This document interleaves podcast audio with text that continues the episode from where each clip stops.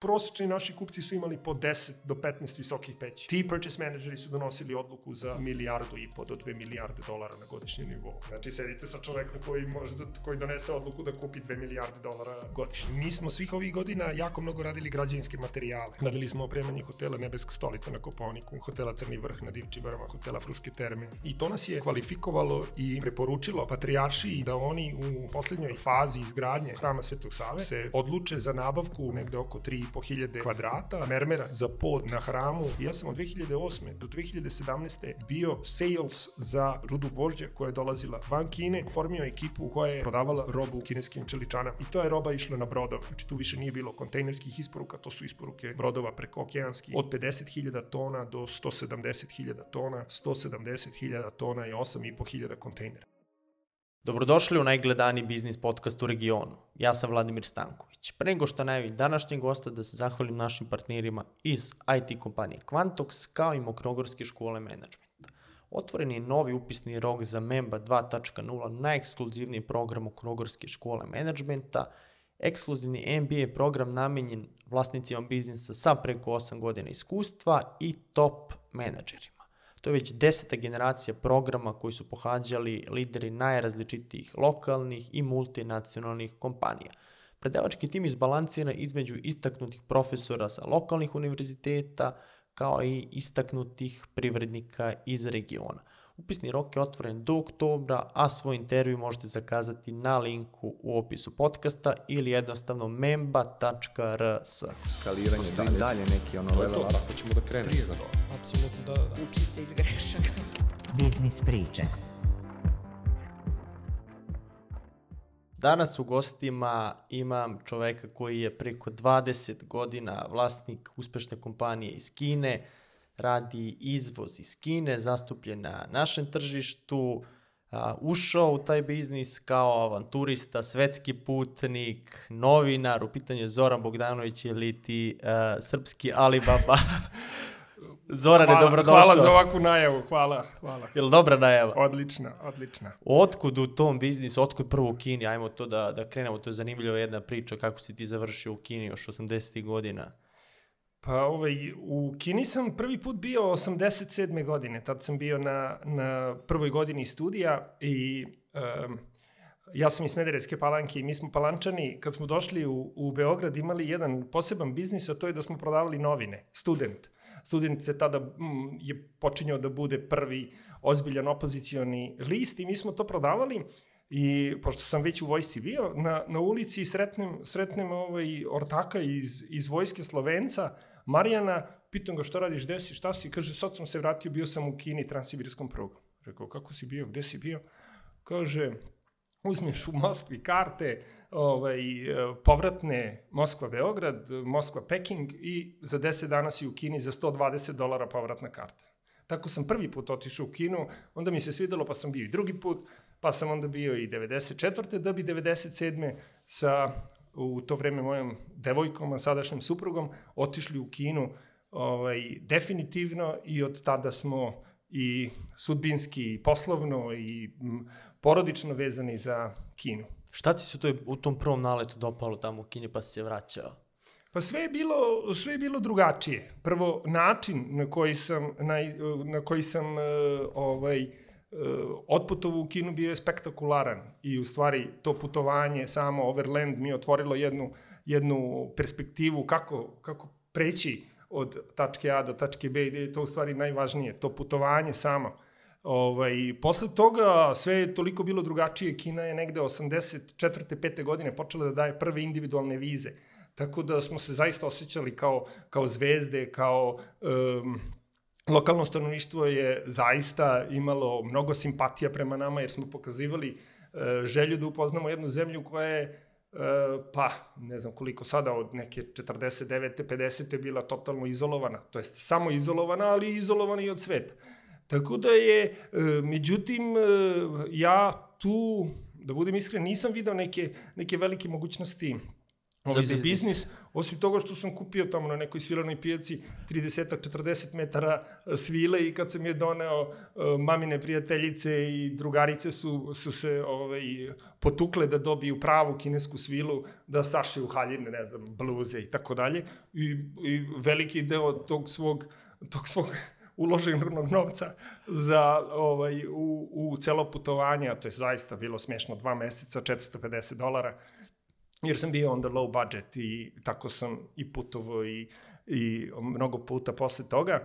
Tako da, da je, eto, a onda naravno i kad sam se vratio, ovaj, tad sam bio na, na fakultetu, na prirodno-matematičkom fakultetu, odsek za turizam, odmah su me svi prozvali Zoki Kinezi, tako onda, onda, onda je već sve bilo. I ostalo, bi bilo jasno. Jeste, jeste. I on si čak imao, pisao si članke iz Kine, vodio si emisiju. Da, e, pa tu se, e, šta se onda desilo, ovaj, da sam ja po povratku sa tog prvog putovanja iz Kine, ovaj, e, moja asistentkinja u to vreme, Mirjana Vučetića, sada Deveđić, redovni profesor sada na fakultetu na demografiji, je čula za tu moju avanturu i odmah, pošto sam studirao turizam, me uključila u jedan proj projekat za to vreme vrlo interesantan, zvao se IPP, informativno-propagandni e, punkt u Domu omladine za putovanja mladih i individualnih turista. To je, e, mislim da je finansirao grad i univerzitet i ne znam ko, ali to je bilo, to je bila, kako da kažem, preteča nekog, nekog pokušaja da se informacijama pomogne mladima. Pazite, u to vreme niste mogli u Beogradu apsolutno da kupite ni jedan, ni jedan nijednu knjigu na engleskom jeziku bilo koji turistički vodič. Znači, toga nije postojalo, ali je već e, na zapadu krenula e, publikacija koju najtoplije preporučujem i koji su postali institucija u tom svetu individualnih putovanja, to je Lonely Planet.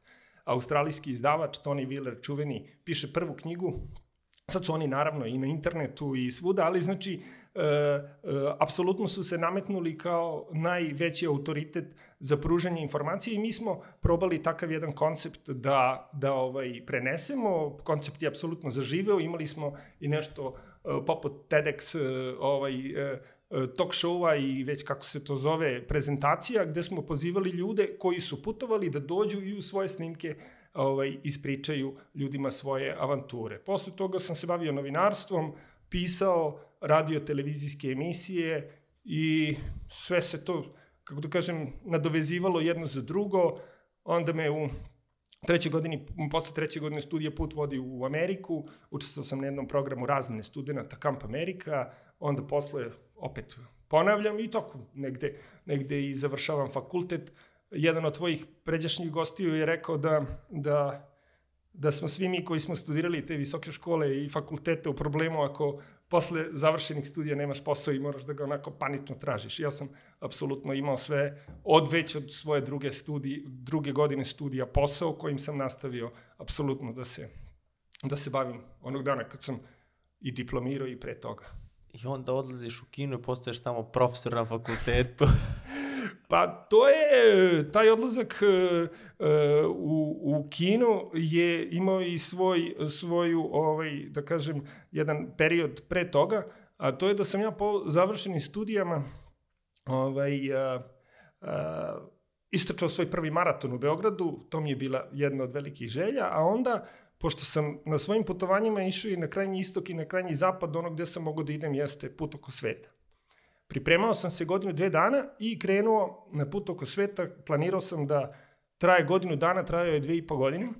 Znači, autostopom do Londona, onda London, New York, New York, Los Angeles, ovaj, autobusom, Greyhoundom i onda sam stigao u Kinu, ovaj, po drugi put na tom putovanju bez para.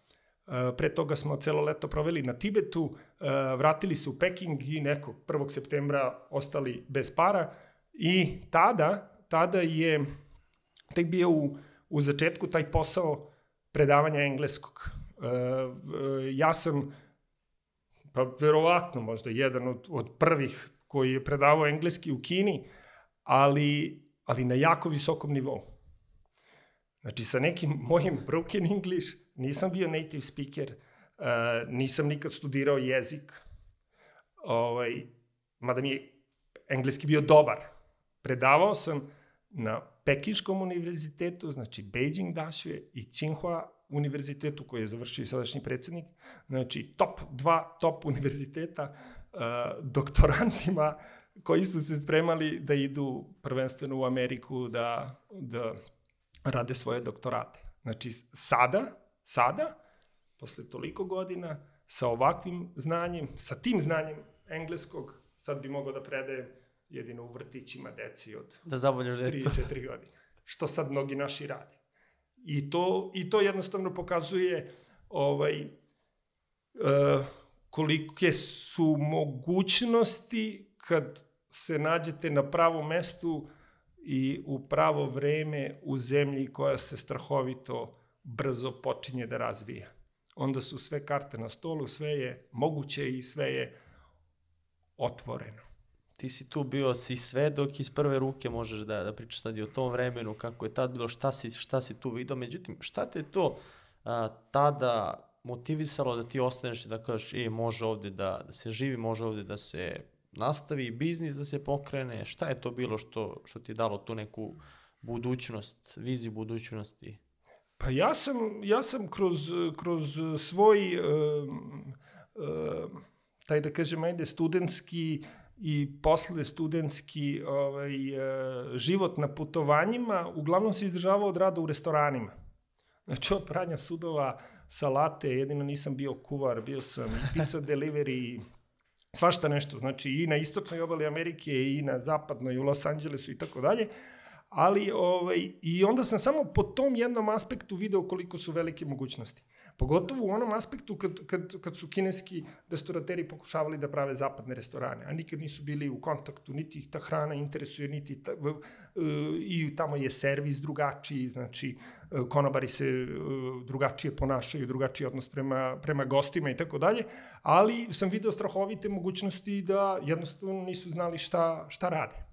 Međutim, E, šta se desilo? Mi smo, e, mi smo te godine, izvinjam se, e, mi smo te godine napustili Kinu. Seli na voz da bi ja završio svoje, svoje putovanje oko sveta, seli na voz i vratili se u Srbiju sa po 10 dolara u džep, posle dve i po godine. Gde uložiti 10 dolara? Gde uložiti 10 dolara, onda politika napiše jedan članak i, i uh, urednik i jedan od vlasnika art televizije me pozove i ponudi mi posle samo sedam dana posao da uređujem i vodim televizijsku emisiju Pasoš geografija na art kanalu. I to je još jedna stvar ovaj, koja, e, koja muči mnoge, a to je da misle da ukoliko odu na putovanje i na putovanju provedu uh, jedan malo značajniji period vremena da im je to waste of life i da je to gubitak. Međutim, uh, svi ti zagovornici tih dugih putovanja, uh, gap year, znači uzeti jednu godinu slobodno, uh, posle srednje škole ili posle fakulteta, jednostavno da se otputuje, da se vidi svet, da se doživi nešto drugačije, da se čovek mlad uh, izloži najrazličitijim uticajima.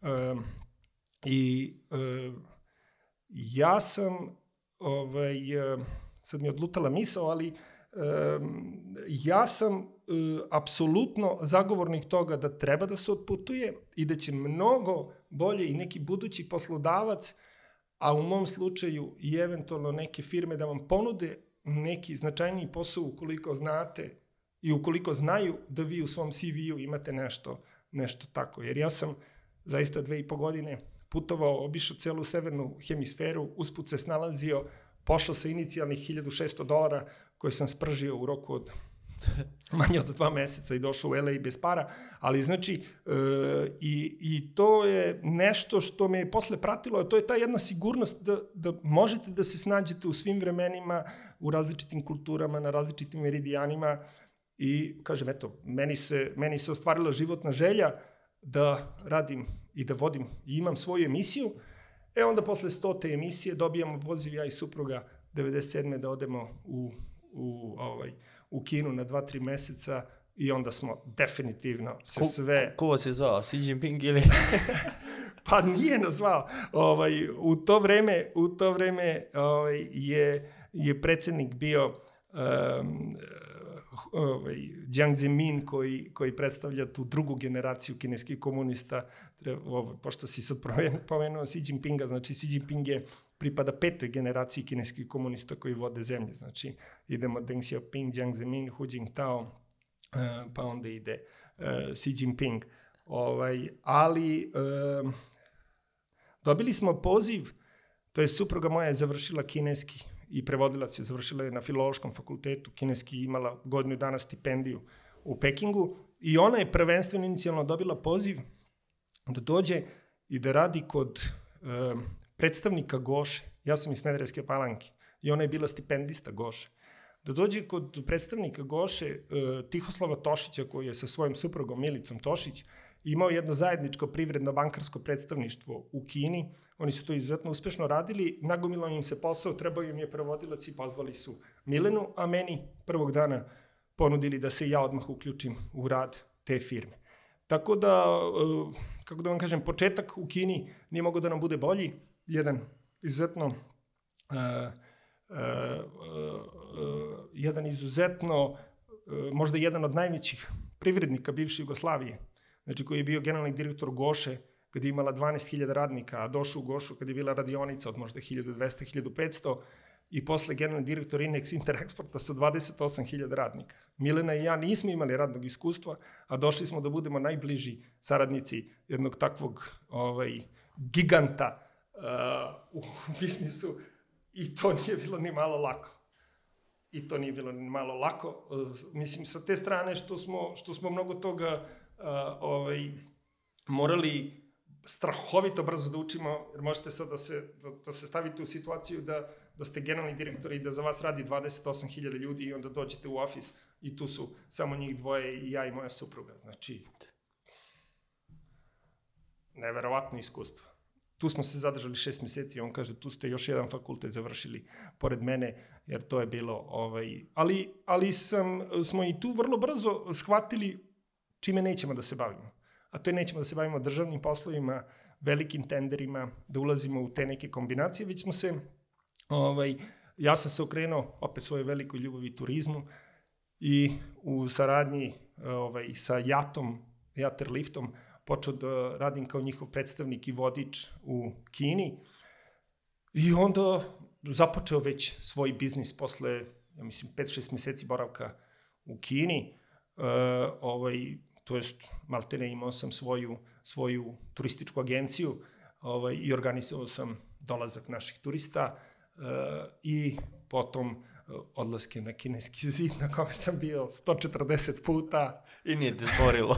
pa jeste, ali, ali voleo sam tu turu, ali sam bio 85-6 puta u, u zabranjenom gradu, Forbidden City, u, u, na svim, na svim lokalitetima, ovaj, i na minus 40 i na plus 40, ovaj, ali sam kineski zid voleo, zato što sam obično pravio da odmah po dolasku turisti prvog dana vide kineski zid jer je, jer tako, to je, to je najveća turistička atrakcija da. Kine, ali um, svi turisti idu jedno 80 km od, od Pekinga na kineski zid. I sad vi zamislite vremenska razlika, 6 ili 7 sati, dođu komirani, ja ih sačekam na aerodromu, oni odu u hotel, spavaju, odmore se, ali ko spava, ko ne spava, i ja već ujutru u 8 krećemo na turu, oni ne znaju uopšte gde su, i onda kad dođe autobus, oni svi spavaju.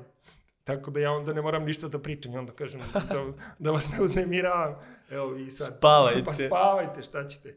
Ovaj, tako da je bilo, mislim, šale, šalim se malo, ali, ali ovaj, i pripremio sam se naravno i učio i čitao, tako da sam imao za 5 dana koliko su obično trajali ti boravci, 5 dana po 8 sati sam imao, ovaj, sam mogao da se navijem i da pričam pet puta po osam o, o Kini, o raznim aspektima Kine. Tako da je to bilo ovaj, jako simpatično, ali... E, Čak si restoran vodio.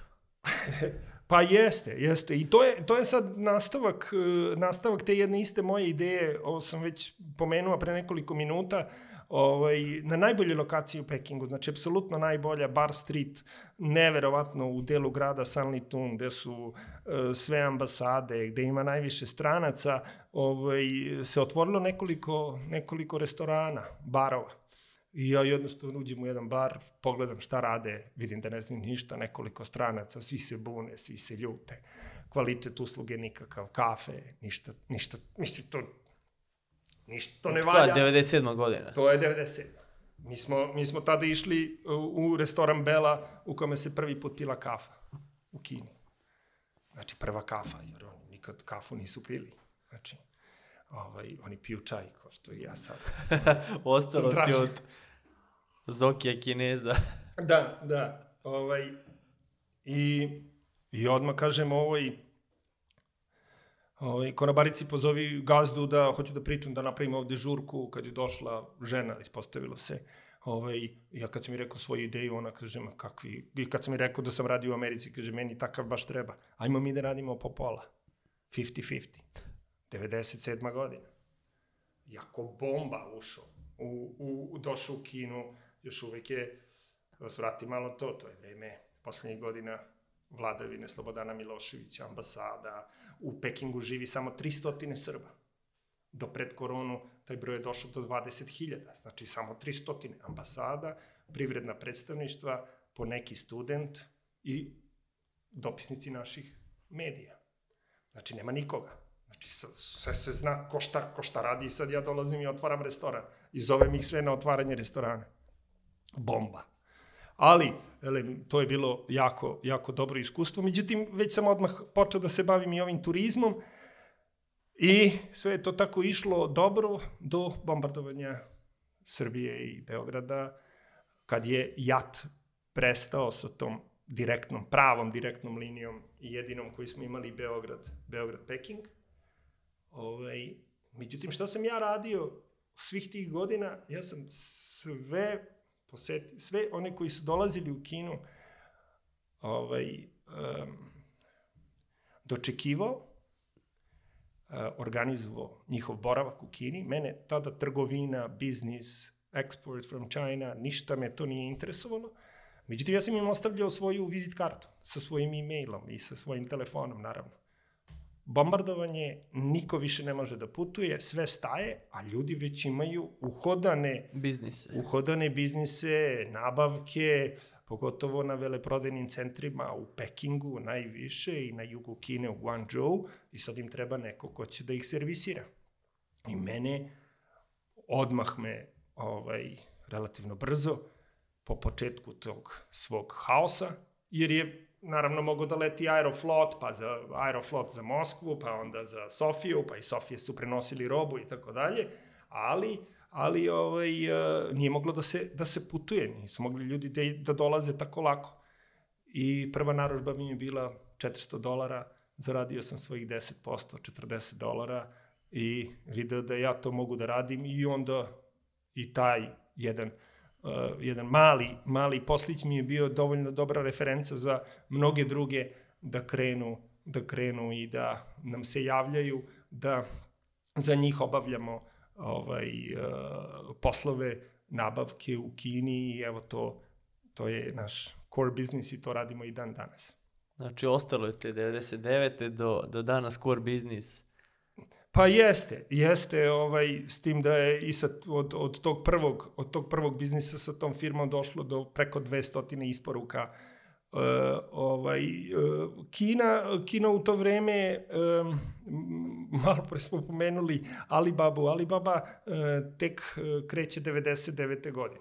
Ono što sam ja, što sam ja brzo morao da shvatim jeste, naravno, kako funkcioniše, kako funkcioniše izvoz iz Kine. Ovaj, uh, uh, bilo je, bilo je, ovaj, bilo je uh, i Kina i dan danas izuzetno vešto i dobro pokriva čitavu lepezu uh, uh, izvoza iz Kine. Što znači od najvećih multinationals koji rade i pokrivaju robama iz Kine ceo svet, isto tako i za ove najmanje, naj, da kažem, male kupce koji dolaze i u Kini potroše 1000, 2, 3000 dolara za nabavku uh, robe. I, I jedan i drugi i svi drugi kanali su izuzetno dobro organizovani i sve to funkcioniše fenomenalno.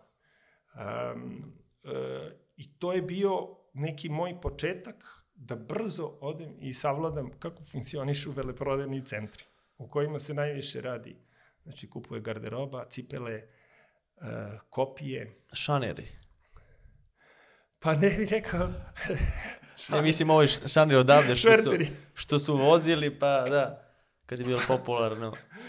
Pa da vam kažem, ja imam apsolutno, uh, apsolutno veliko poštovanje prema, prema tim ljudima koji su uh, uh, putovali na, na kraj sveta da bi uložili novac. Znači, već sam pomenuo tu vremensku razliku. Uh, Od ceo taj rizik, šta sve to ceo nosi. rizik, znači, a rizika je bilo na svakom koraku. Prvi, prvi rizik je bio kako transferisati novac, kako poneti, poneti novac koji ćete vi onda, ja sam im uvijek pričao, evo došli ste da potrošite mukom stečeni novac. Znači, uh, pored toga, rešiti problem, problem smeštaja tamo, onda kupovine, promene valute, pa onda kontrole, kontrole proizvoda, skladištenje, onda slanje, a onda tek dolazi najveći problem carina u Srbiji. Tako da, da su to ljudi koji su zaista, ovaj, kako to kažem, i majstori, majstori kombinatorike.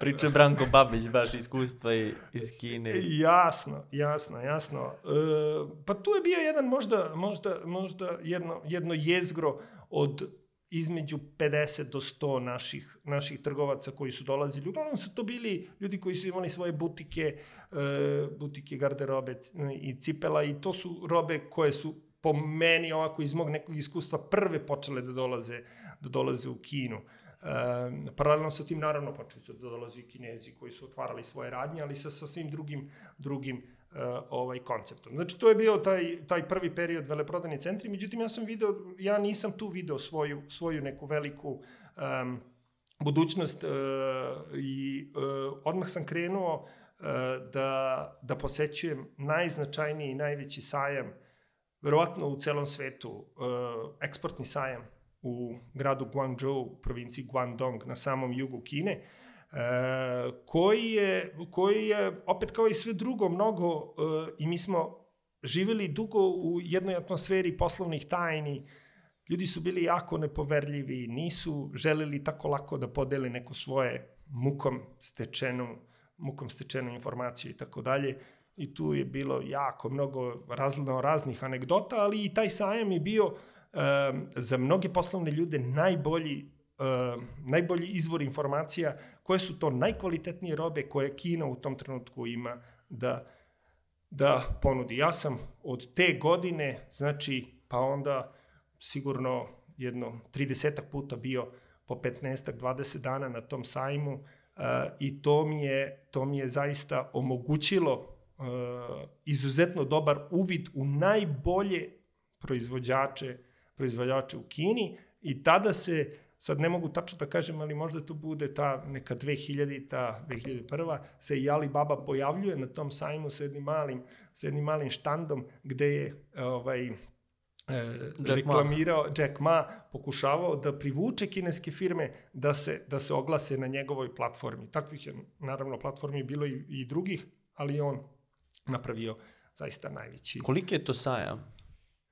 Rekao si da, da, da je najveći, sa tvoj utisak prvi put dolaziš, ne znam, bio si po drugim sajmovima kod nas u svetu i sad odlaziš tamo, pričao si mi kako to izgleda, kojih je to razmera, Pa ja zaista mislim da ovako mi je teško da ti sad, da, da to sad e, predočim, znači e, e, tu je bilo dovoljno e, dve ili tri zgrade od po tri, četiri e, ovaj, sprata e, u toj početnoj fazi sajma kad sam ja prvi put otišao, da bi se onda to mm, preselilo na jednu drugu lokaciju, znači sve je bilo u sedam dana, sad je tri, uh, tri sesije po pet dana, pa između svake po pet dana pauze, znači ja sajam je, mislim, ne znam, od, kao grad. od, od, od, od Kalemegdana do Slavije, mislim, mega, mega, i to je, to je, uh, to je sajam gde vi vidite purchase timove najvećih svetskih kompanija po njih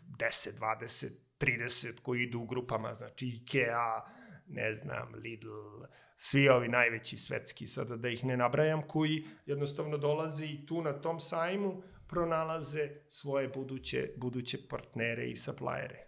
u jednom trenutku znam da je sigurno IKEA imala 400 fabrika sa kojim je sarađivala u Kini, to se i stalno menja. Znači, stalno smo, mi smo, na primjer, to pokušavali stalno, ukoliko bi imali upite da radimo nameštaj, pokušavali da pronađemo fabrike koje rade za najveće za najveće svetske brendove. Tako da sajam je, sajam je bio uh, taj, ajde da kažem, neki drugi, drugi moj adut ovaj, u, u pronalaženju informacija, jer mi smo, pored tog jednog konsultinga, E, koji smo pružali svim našim firmama vezano za Kinu, e, morali da pronađemo, da radimo sourcing, to je da nađemo fabrike koje će biti e, za te naše partnere naj, najatraktivnije, najbolje, sa najboljim cenama, najboljim odnosom cene i kvalitete i tako dalje.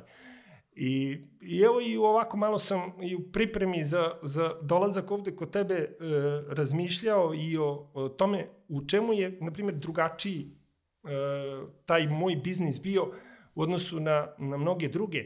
A to je da smo mi samo u nekoj vrlo, vrlo ovaj, uh, uh, inicijalnoj komunikaciji bi razmenili e-mail sa, sa svojim potencijalnim partnerom. Po nekoliko mailova, eventualno telefonski razgovor i to je to. I partner odluče da dođe u kino, ja ga čekam na aerodromu i neretko tu se upoznajemo i krećemo na put. I ja Od tog dana ulažem 5 ili 7 dana 24-7, znači provodim vreme sa potencijalnim partnerom, još uvijek nigde nema para, znači uh, i sad vi možete da uporedite to sa, na primjer, danas nekim, nekim e-komercom, kad je sve bezlično, kad nigde niko nikoga ne upoznaje, kad to sve je virtuelno, a ja sam morao, znači, da sedam dana putujem sa čovekom, spavam u istom hotelu, svako naravno u svojoj sobi, doručkujem, ručamo, večeramo zajedno, putujemo, gledamo fabrike, pričamo, ja mu pričam o Kini, on pokušava da mi predoči zaista ono što njemu treba, pa onda idemo, pa grešimo, pa odlazimo u fabrike useless, znači gde ne može da potroši ni 100 dolara, pa onda nalazimo prave fabrike, pa idemo na sajmove i tako dalje. I, I to je ovaj, uh, u nekoliko slučajeva bolelo kad ne dođe do posla, a ti uložiš 7 dana, 10 dana, ideš šetaš, ostaviš kosti po Kini, a, a biznisa nigde. Šta kažu, pa ipak nećemo iz Kine. Pa ipak nećemo ili zaista, zaista im to ne, ne u kraj... Mislim, to se desilo zaista nekoliko puta, zaista nekoliko puta, ali se desilo. Ali se desilo da, da sam uložio zaista puno energije, puno truda, međutim jednostavno nije kliknulo ili jednostavno sve to što su videli im nije bila, mada u 99% slučajeva kad se ta priprema odradi dobro, a to je da se zaista shvati šta e, šta partner hoće, da mi onda pripremamo posetu, kad vidi svaki dan po dve ili tri fabrike ili u veleprodajnim centrima na stotine nekih dobavljača, ovaj, oni se raspamete, e, uoče ogromne, ogromne mogućnosti i tu se kad su naši poslovni ljudi u pitanju, e, Kina nametnula e, e pre Turske. Pre Turske, verovatno, glavni izvor roba je bila Italija. Znači, ide Italija, Nemačka, pa to postaje sve skuplje, pa se sele u Tursku, pa iz Turske ide se na daleki istok. Sada Kina u nekim robama gubi svoju, svoju ovaj, Koje su to robe? Kompati pa, i uglavnom te najjeftinije neke robe.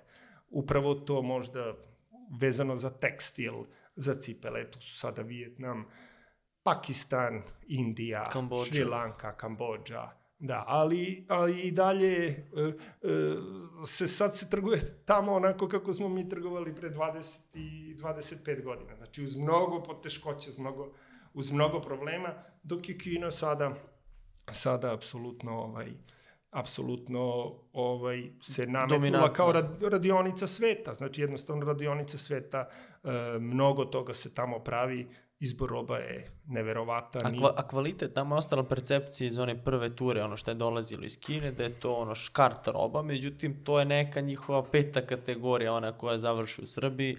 Kako je to izgleda kvalitet? Pa jedna od osnovnih stvari je da, da su najveći trgovinski partneri e, Kine, Evropska unija i Amerika. Znači oni prave, najviše robe prave upravo za ta naj najprobirljivija, e, naj, najrazvijenija tržišta na svetu. Međutim, isto tako kao što je Kina dominantna sa robama u Evropi i u Americi, u najbogatijim zemljama sveta, isto tako je dominantna i u Bangladešu, i u Kongu, i u, ne znam, Ekvadoru, naravno i u Srbiji.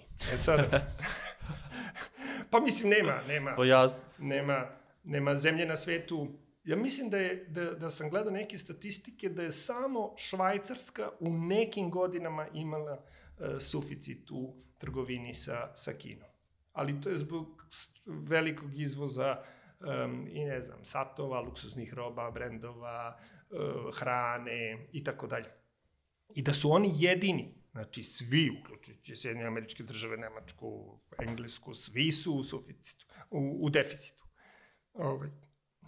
E sada, znači, um, obično bi i naši poslovni ljudi pričali daj mi tu najbolju robu, daj hoćemo da nađemo, ne znam, mi smo se bavili i nameštajem i, i ovaj, mašinama, izvozili sirovine, izvozimo i dalje e, propagandni materijal e, za razno razne kampanje, marketinške i tako dalje. Da ne nabrajam sad sve to igračke, naravno. Ali, ovaj, e, e, i kad bi ih odveli na te, u te fabrike u kojima se proizvodi roba najviše kvaliteta za ta najbogatija tržišta, oni bi rekli, što si me doveo ovde, šta će ovde? Skupo, je- a? Pa skupo, naravno. Znaš ti gde, mi, gde ja živim i kolike su plate, kolike su plate ovaj, u, u Srbiji uh, ili mi najviše radimo sa državama sa prostora bivše Jugoslavije, ovaj, mi to ne možemo da platimo, pa ja ću za te robu da odem u Italiju. I Šta kaže, daj mi jeftinije. daj mi jeftinije. I onda ja odmah brzo reagujemo u, u, u ovaj, e, naravno, backup čitav meni, pošto sam uglavnom ja najviše putovao, a putovao sam jedno 150 do 200 dana godišnje po Kini, što je znači jedno 6-7 meseci godišnje, ovaj, posećujući proizvodne regione i fabrike Kine, ovaj, odmah brzo i ofis i ja na, na licu mesta reagujemo i odlazimo u fabrike koje proizvode Jeftinije. robe loše kvaliteta i jeftinije i onda oni kažu pa to... To nam treba. To nam I onda ljudi kod nas kažu, pa iz Kine nije kvalitetno. Pa naravno, pa naravno. Znači, um, šta je jedno iskustvo moje, na primjer, u, u, odlascima ovaj, i posetama svim tim kineskim fabrikama?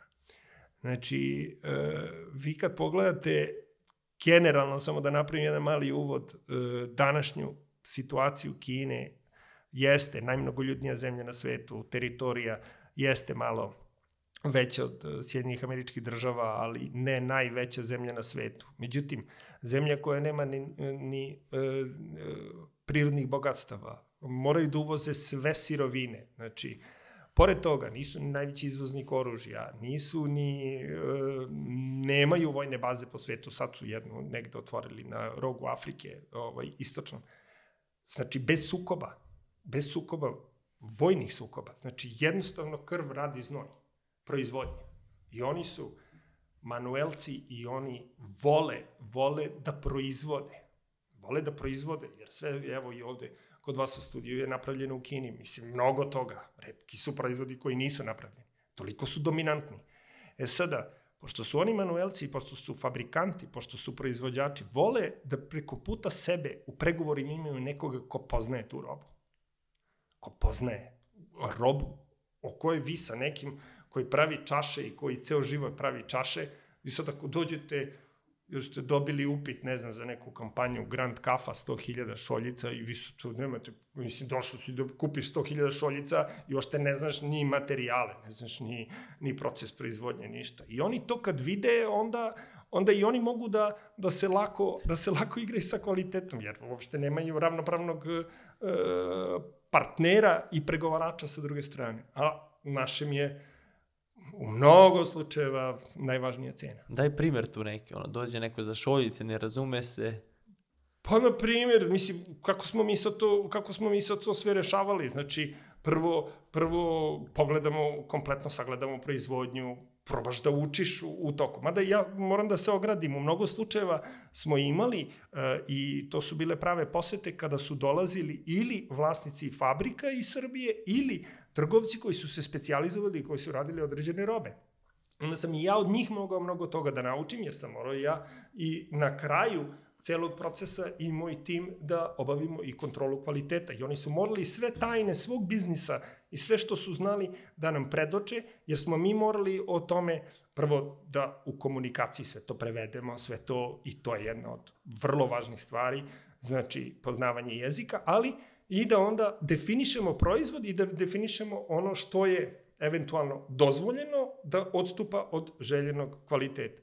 Ali šta bi sa čašom bilo? Znači, pored toga, različiti kvaliteti, da se definiše kvalitet, koji smo u mnogo slučajeva posle toga i kad je proizvodnja odrađena nosili i radili sa SGS-om kontrolu, švajcarskom uh, firmom za kontrolu uh, kvaliteta robe.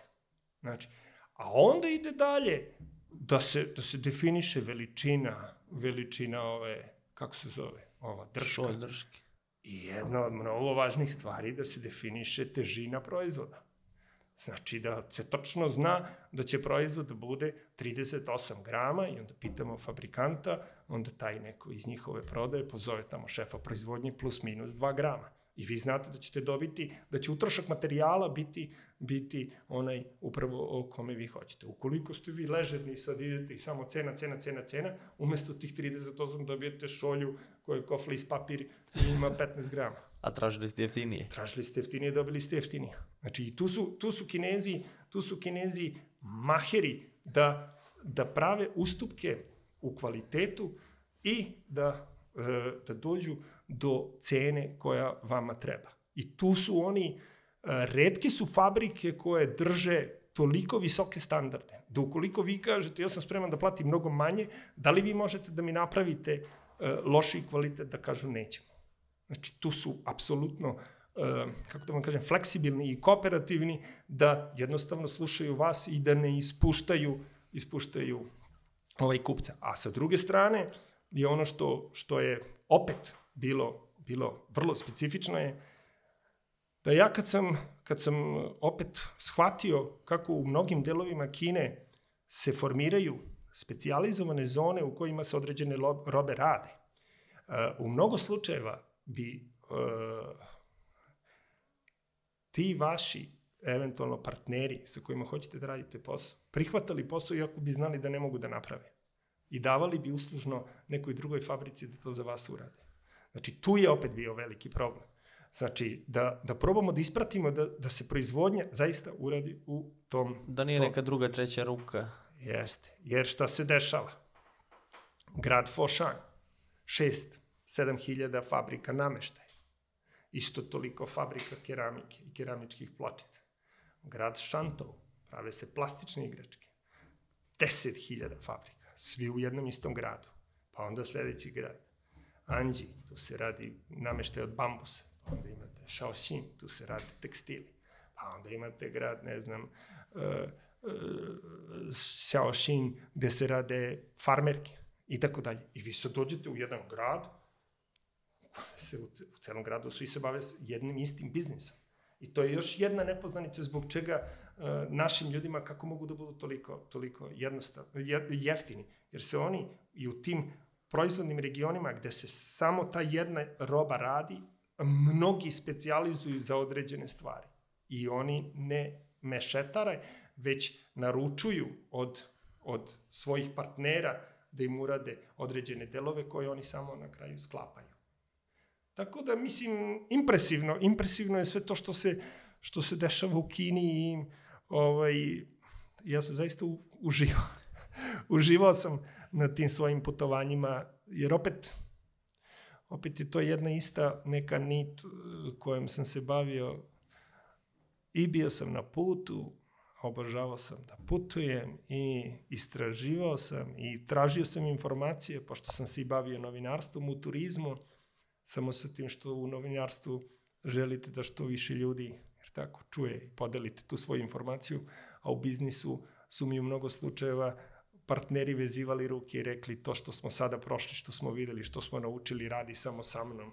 Generalno je i jeste Srbija malo tržište i zbog toga smo mi davali pogotovo u početnim godinama ekskluzivitete, čak i mnogo malim igračima, ovaj, ali smo želeli da svi zajedno pravimo, pravimo zajedničku priču, nastajala su divna prijateljstva, oni su ovde rasli kao, kao kompanije, zbog toga što su imali dobru nabavku, sigurnu nabavku iz Kine, nismo grešili, nisu, nisu imali problema sa kvalitetom, dogovorena cena i kvalitet su im bili isporučivani i oni su jednostavno ovde postajali lideri, lideri na tržištu. Ja može uopšte taj kvalitet, to vidimo sad koliko detaljno vi radite, da postoje i firme koje rade samo proveru kvaliteta, e sad imamo biznis model dropshipping koji smo provlačili dosta, gde ja sada naručim, niti sam video, niti sam, i niti imam neku komunikaciju i koji nivo robe ja tu dobijem, niti ja vidim robu, šaljem nekom Amerikancu koji je izbirljiv i završi onaj koš, onaj peti što, što si naveo, onaj škart, I to neka peta, šesta ruka tog škarta, jer nije prodavci na AliExpressu nisu prva ruka, već Pa evo da vam kažem, mi smo znači, od, ajde da, da, da računam kao početak biznisa 2000 tu, sad smo znači 22 godine, mi godišnje izvozimo između 250 i 350 kontejnera. Znači svaki dan nama napusti jedan kontejner, 20 fitni, 40, 40 fitni IQ. Znači to su to je e, za robe široke potrošnje naj naj e, najatraktivniji, najjeftiniji način prevoza. Pored toga imamo verovatno i na mesečnom nivou desetak avio isporuka koje mogu da budu, ne znam, tona i pola tona, stotinak, 200, 300, 500 kilograma robe koje mogu. Znači, nama nikada roba nije u ovih 22 godine izašla iz Kine da je neko nije proverio. E sada, vi znači u e-commerce u dropshippingu, to je, znači, po meni i suviše veliki rizik. Ali ono što je opet um, je jedan od tvojih ovaj, gostiju ranije uh, pomenuo, da je u dropshippingu jedno osnovno pravilo da e, ne ulaziš u bilo kakvu raspravu sa tim tamo krajnjim korisnikom, već odmah prihvataš njegovu... Refundaciju. Njegovu, molim? Refundaciju. Njegovu refu, I odmah refundiraš, znači, jer to su... Jer znaš da je stranje. pa dobro. Desi se nekada nije, ali... Pa dobro sad, ovaj, ne, ali je vrednost, vrednost robe mala. E, mi smo, mi smo došli Mislim, generalno, e, vrednost kontejnerskih isporuka su, e, ukoliko pričamo o robama široke potrošnje, 20.000, 25, 30.000 eura. Može da ide do 80 i 100.000 eura ukoliko su robe neke Šta, skuplje. Ceo kontejner. Ceo kontejner. Da. Plus prevoz. Dobro, sad je prevoz malo skuplje, ali je bio, bio jeftiniji i gotovo zanemarljiv. Ali vi ako radite dropshipping i artikal vam je 2 dolara, prodajete ga za 6 ili 5 i sad imate neku refondaciju, mislim, what's the problem? Ali ako je 20 i 25 hiljada, ako ste vi napravili, ne znam, opet pričamo o šoljicama, 100 hiljada šoljica i to je u kontejneru i svih 100 hiljada ne valja, onda, je, onda ste u velikom problemu. Znate, zbog toga je, zbog toga je to mnogo brže, mnogo lakše, e, e, ali mi, mi nekako nismo u tome videli, videli ovaj, da kažem, nisam, nismo videli mogućnost, možda smo i, ne znam, možda smo i negde pogrešili, ovaj, um, međutim, nas je, mi smo, mi smo bili svih ovih godina, uh, uh, specifično je bilo da smo bili u Kini i da smo jednostavno se uh, našli u tom jednom trendu koji je nezapamćen u istoriji čovečanstva. Znači, to što se u Kini dešava i dan danas, a što se pogotovo dešavalo od negde 2000. do 2010. je najveći privredni rast jedne zemlje u tako dugom kontinuitetu, a pritom da se radi o najvećoj zemlji po broju stanovnika na svetu. Znači, takav neki sličan ili isti rast su imali i Sjedinje američke države, imao je Japan, imala je Koreja, imala je Nemačka, ali na milijardu i 400 miliona. I vi ovo sad što ja i vi pričamo ovde, znači, ekonomska reforma u Kini je započela, počela 1980. godine. Ovo što mi danas vidimo i što pričamo mi o Kini, kao drugoj najvećoj ekonomskoj sili na svetu, je rezultat 43 godine ekonomske reforme. ne pričamo o reformi političkog sistema, ali pričamo o konstantnoj reformi eko, ekonomije kineske i oni sad zaista samo jednog takmaca imaju u svetu, a to su Sjedinje američke države. I to je pitanje godine kada će, kada će postati ovaj, naj, najvažnija i najveća ekonomska sila sveta, a pritom, a pritom imajte na umu da pričamo o komunističkoj zemlji. I to je ono što je problem. To je ono što je problem. Problem Kine je da, da ovaj, svojom soft power koju oni shvataju da nemaju, jednostavno uh, prezentuju svetu sva svoja dostignuća u ekonomiji. I to je, za to je najbolji recept odlazak u Kinu. Nijedan drugi. I to, to smo mi mnogo puta, mnogo, mnogo puta na svim nivoima, znači univerzitetske rektor, dekani, do e, političara, e, privrednika, ljudi koji su sa mnogo, mnogo predubiđenja, predrasuda dolazili u Kinu. Posle pet ili šest ili sedam dana Kine, kaže, ovi su ljudi preozbiljni. Mislim, mi smo uopšte, totalno smo drugačiju sliku imali. Ali to što si rekao, to dugoročno planiranje, 50, 100 godina unapred, a ne od izbora do izbora, mi ćemo sad nešto da, da radimo, već imamo od znanih 50, 100 godina kako treba da izgleda i sve ide ka tome. Pa da vam kažem nešto, pričamo o, o, zemlji, o zemlji koja je jedina i jedina neprekinuta civilizacija. Znači, ovaj, pričamo o zemlji koja e, to će možda biti interesantno tvojim slušalcima i gledalcima, puno ime, znaš kako, kako kinezi nazivaju svoju zemlju? Kako? Zhongguo. Zhongguo je ime Kine, a to znači središnje carstvo ili zemlja u središtu sveta. China, to niko ne koristi China, ko mi Kina, Kitaj, Rusi, šta je znam. Znači Zhongguo, i oni su Zhongguore oni su kinezi, kad kažu za sebe, oni su džongore. Znači, a, to je zemlja čiji stanovnici su najmnogoljudniji na svetu, mnogo vole svoju zemlju i misle da su oni centar sveta. I oni mogu, i oni objašnjavaju da naravno u tom svom rastu, razvoju su imali i blistave periode, imali su i periode loše. Jedan, jedna od poslednjih njihovih ocena tog i kad je ekonomija i politika u pitanju je vladavina Mao Tse-tunga, koji su oni vrlo pragmatično ocenili sa 60% dobro, 40% greške.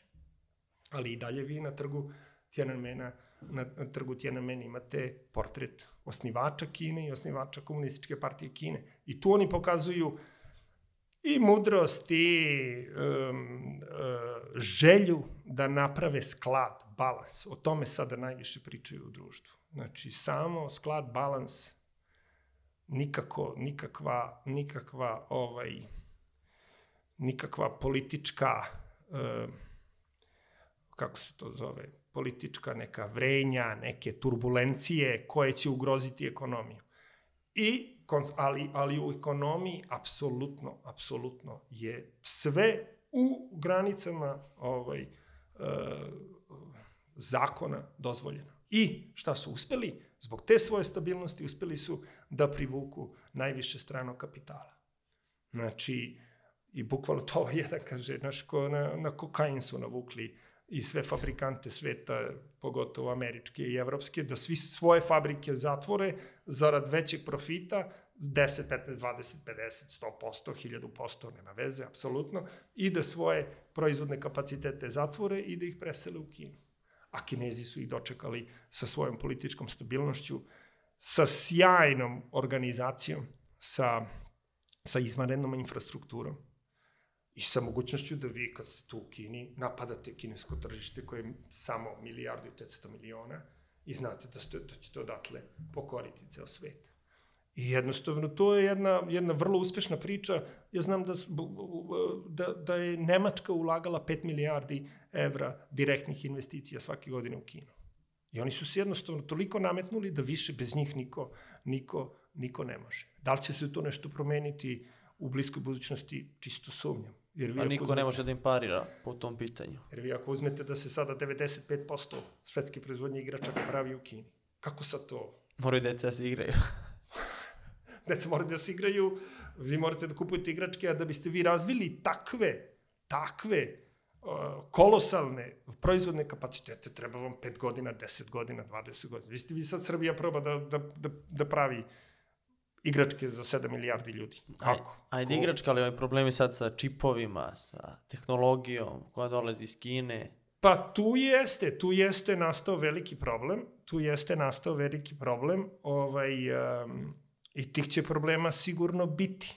Međutim, ja mislim da, da i Kina i Zapad, da je Kina toliko postala moćna da ovo što se danas, ja mislim, u svetu biznisa dešava sa Rusijom, da ipak treba imati na umu da Rusa ima 130 miliona, da ovde pričamo o milijardi i 400 i da se toliko Kina, Kina nametnula da jednostavno svi sa njima moraju da rade biznis. I to je jedna od prvih koje, koje, ovaj, koje je dala jednu, jednu uh, ovako daleko sežnu i važnu, važnu izjavu bila Margaret Thatcher, tada premijer Velike Britanije koja je rekla mi moramo da radimo biznis sa kineskim komunistima. I to je bio, to je bio put uh, uh, da, da jednostavno uh, više tih ideoloških predrasuda nema. E sada, um, kad su čipovi u pitanju, odmah su se rodile brojne OBC kompanije. On board kurijeri i sad uh, ljudi lete po celom svetu i, i nose čipove mm, i kad je toliko urgentno da je i DHL i Federal Express Prespor uzmete lepo i, i dobijete svoju robu u roku od 48 sati i, i premostite svoje probleme. Ali, ovaj, mislim, mm, mislim da će se tu, da će se tu, ovaj, em, da će se tu naći, naći rešenje. A koliko ćemo mi svi moći da sad razvijamo svoje kapacitete, to je, Teško. To je teško. A sad bio si po tim fabrikama, kako to izgleda? Pričali smo o onim fabrikama igračaka, jer to neka ultra tehnologija kad uđeš u te fabrike, kako to izgleda? Pa sad opet, kažem, pričamo o, o, o, o velikom broju uh, fabrika. Znači, široka lepeza. Od... Ajde, fabrika za šolje ili za igračke, kako to izgleda? Je li to ultra moderno nešto, neka tehnologija ili... To može da izgleda ultramoderno, kao Space Shuttle. Znači, ja sam bio u fabrici gde, su se rade, gde se rade skuteri, automobili, eh, građevinske mašine, um, luksuzni kožni nameštaj um, i tako dalje. I to mm, generalno izgleda izvanredno. Ali vi, ako krenete malo više da istražujete, vi ćete naići na uh, vrlo, vrlo, vrlo skromne uslove proizvodnje. Znači, uh, uh, ono što, što je, na primer, um, uh, vrlo specifično za Kinu je da Kina ima između 300 i 400 miliona internih migranata radnika. Znači, iz Srbije niko nije otišao u Kinu da radi u fabrici. Kao što naši odlaze u zapadnu Evropu ili Ameriku da rade u fabrikama. Znači, vi idete u Kinu, naši odlaze u sve većem broju, znači da predaju engleski, da budu treneri, košarkaški, futbalski, teniski, da rade kao arhitekte i tako dalje. Znači, uh, uslovi u kojima rade kineski radnici su veoma specifični. Zbog tog ogromnog broja i velikih proizvodnih regiona, to su regioni u kojima nema ničega. To su gradovi, ne znam, 30, 50, 100 hiljada stanovnika u kojima nema ničega. Znači, samo fabrika do fabrike. E, e, generalno, e, vlasnici tih fabrika moraju da obezbede i smeštaj i hranu za sve radnike. Znači, da im budu i mama i tata. Jer oni dolaze iz udaljenih provincija, provedu tu godinu dana, za kinesku novu godinu se vraćaju i odlaze u svoje provincije, nose to što su uštedili i tako dalje. To su ti čuveni vrući kreveti, gde bi gazde smanjile svoj, svoj, ovaj, svoje troškove, napravili te spavonice gde bi 12 sati neko odmarao, išao na svoju smenu, a ovaj iz te smene dolazio i to su čuveni vrući kreveti koji, koji postoje. Znači, te njihove menze su relativno skromne, e, jede se naravno na, kako to kažemo, ono, na kazan. E, međutim, ono što je, što je tu važno reći jeste da, da, su, da su kinezi bili, a i dan danas su jako motivisani da i taj počet, i u, pogotovo u toj početnoj fazi svi su isticali da ne postoji radnik na svetu koji je spreman da u takvom tempu, sa takvom posvećenošću radi 8 sati za 2 dolara dnevno. I na tome je Kina uh, napravila svoj uspeh. Prvenstveno, i to je to što, što svi ističu jeftina radna snaga, s tim da imate na umu da danas Kina uopšte nije više jeftina. I, i radna snaga u Kini više nije jeftina. Koliko se to promenilo sad, rekli smo, ta 2 Strahovito. dolara, pa Strahovito.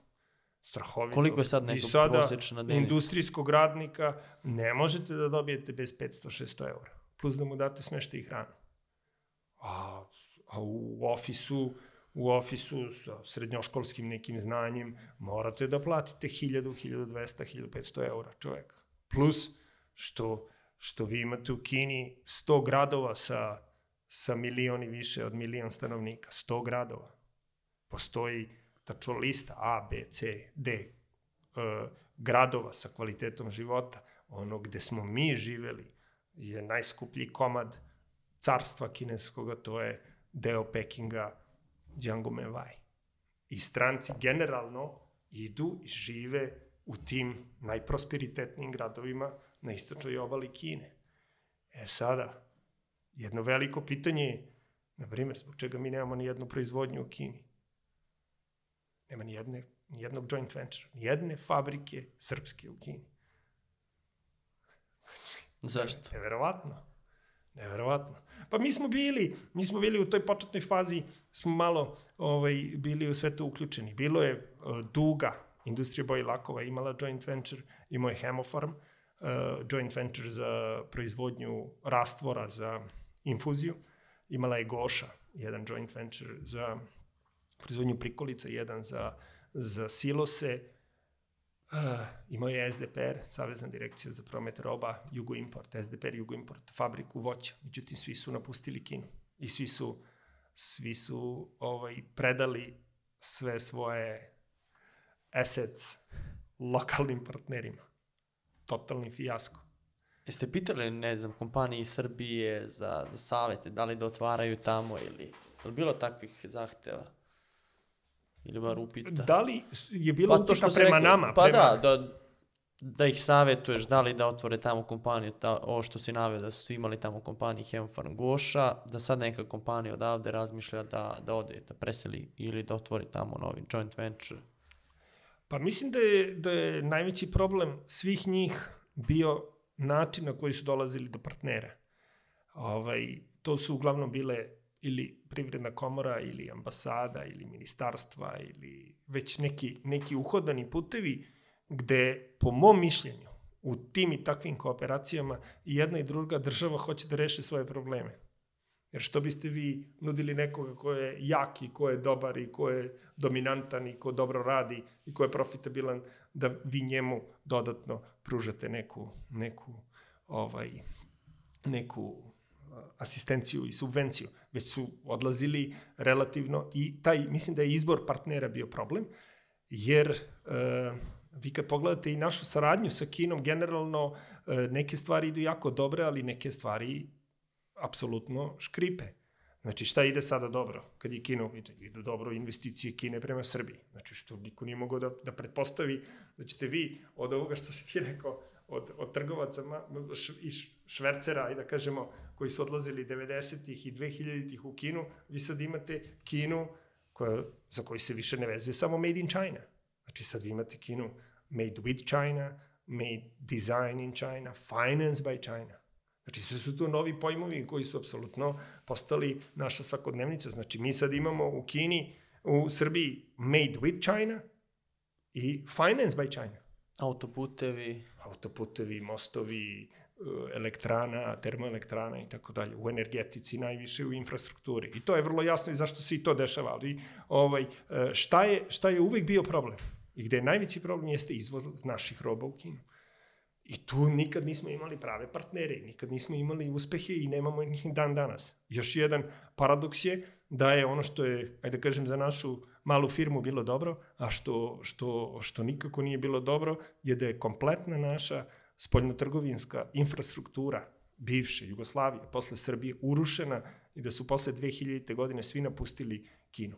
Znači, Delta je imala ofis 30 zaposlenih, SDP Import, Hemofarm, dobro, JAT, Goša, e, Beobanka, ajde da ih ne nabrajam. napustili nisu se vraćali. Napustili i nikad se više nisu vratili. Svi su pozatvarali ofis i otišli. Onako kako se Kina, Kina ekonomski podizala i postajala sve važniji partner, a mi smo imali kopču već sa njima, znači svi su napustili Kinu. I to su sve naši, naši neki paradoksi, ali, ali to je ono opet o čemu si pre, ovaj, pre par minuta i ti rekao, jeste taj, taj konstantan rast koji Kina beleži i to je zaista impresivno. Kod nas je bilo tih ogromnih lomova i onda, onda se napravi diskontinuitet i vi tu ne možete, ne možete onda jednostavno da, da funkcionišete. Ali e, firme, u našem slučaju, koje su se strateški opredelili za Kinu, za nabavku roba u Kini, ja samo moram da vam kažem, e, i ovo što smo mi radili, e, znači, ne radi se tu samo, e, kad je Kina u pitanju, o robama široke potrošnje. Znači, mnoge zemlje, pogotovo Mađarska,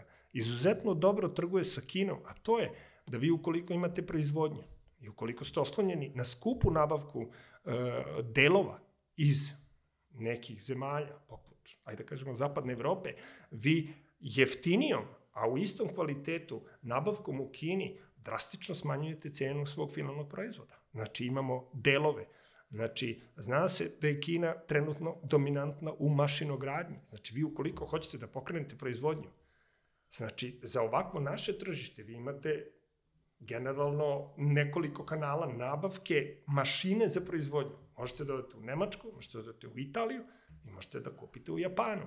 I to su najkvalitetnije, i u Americi, to su najkvalitetnije mašine.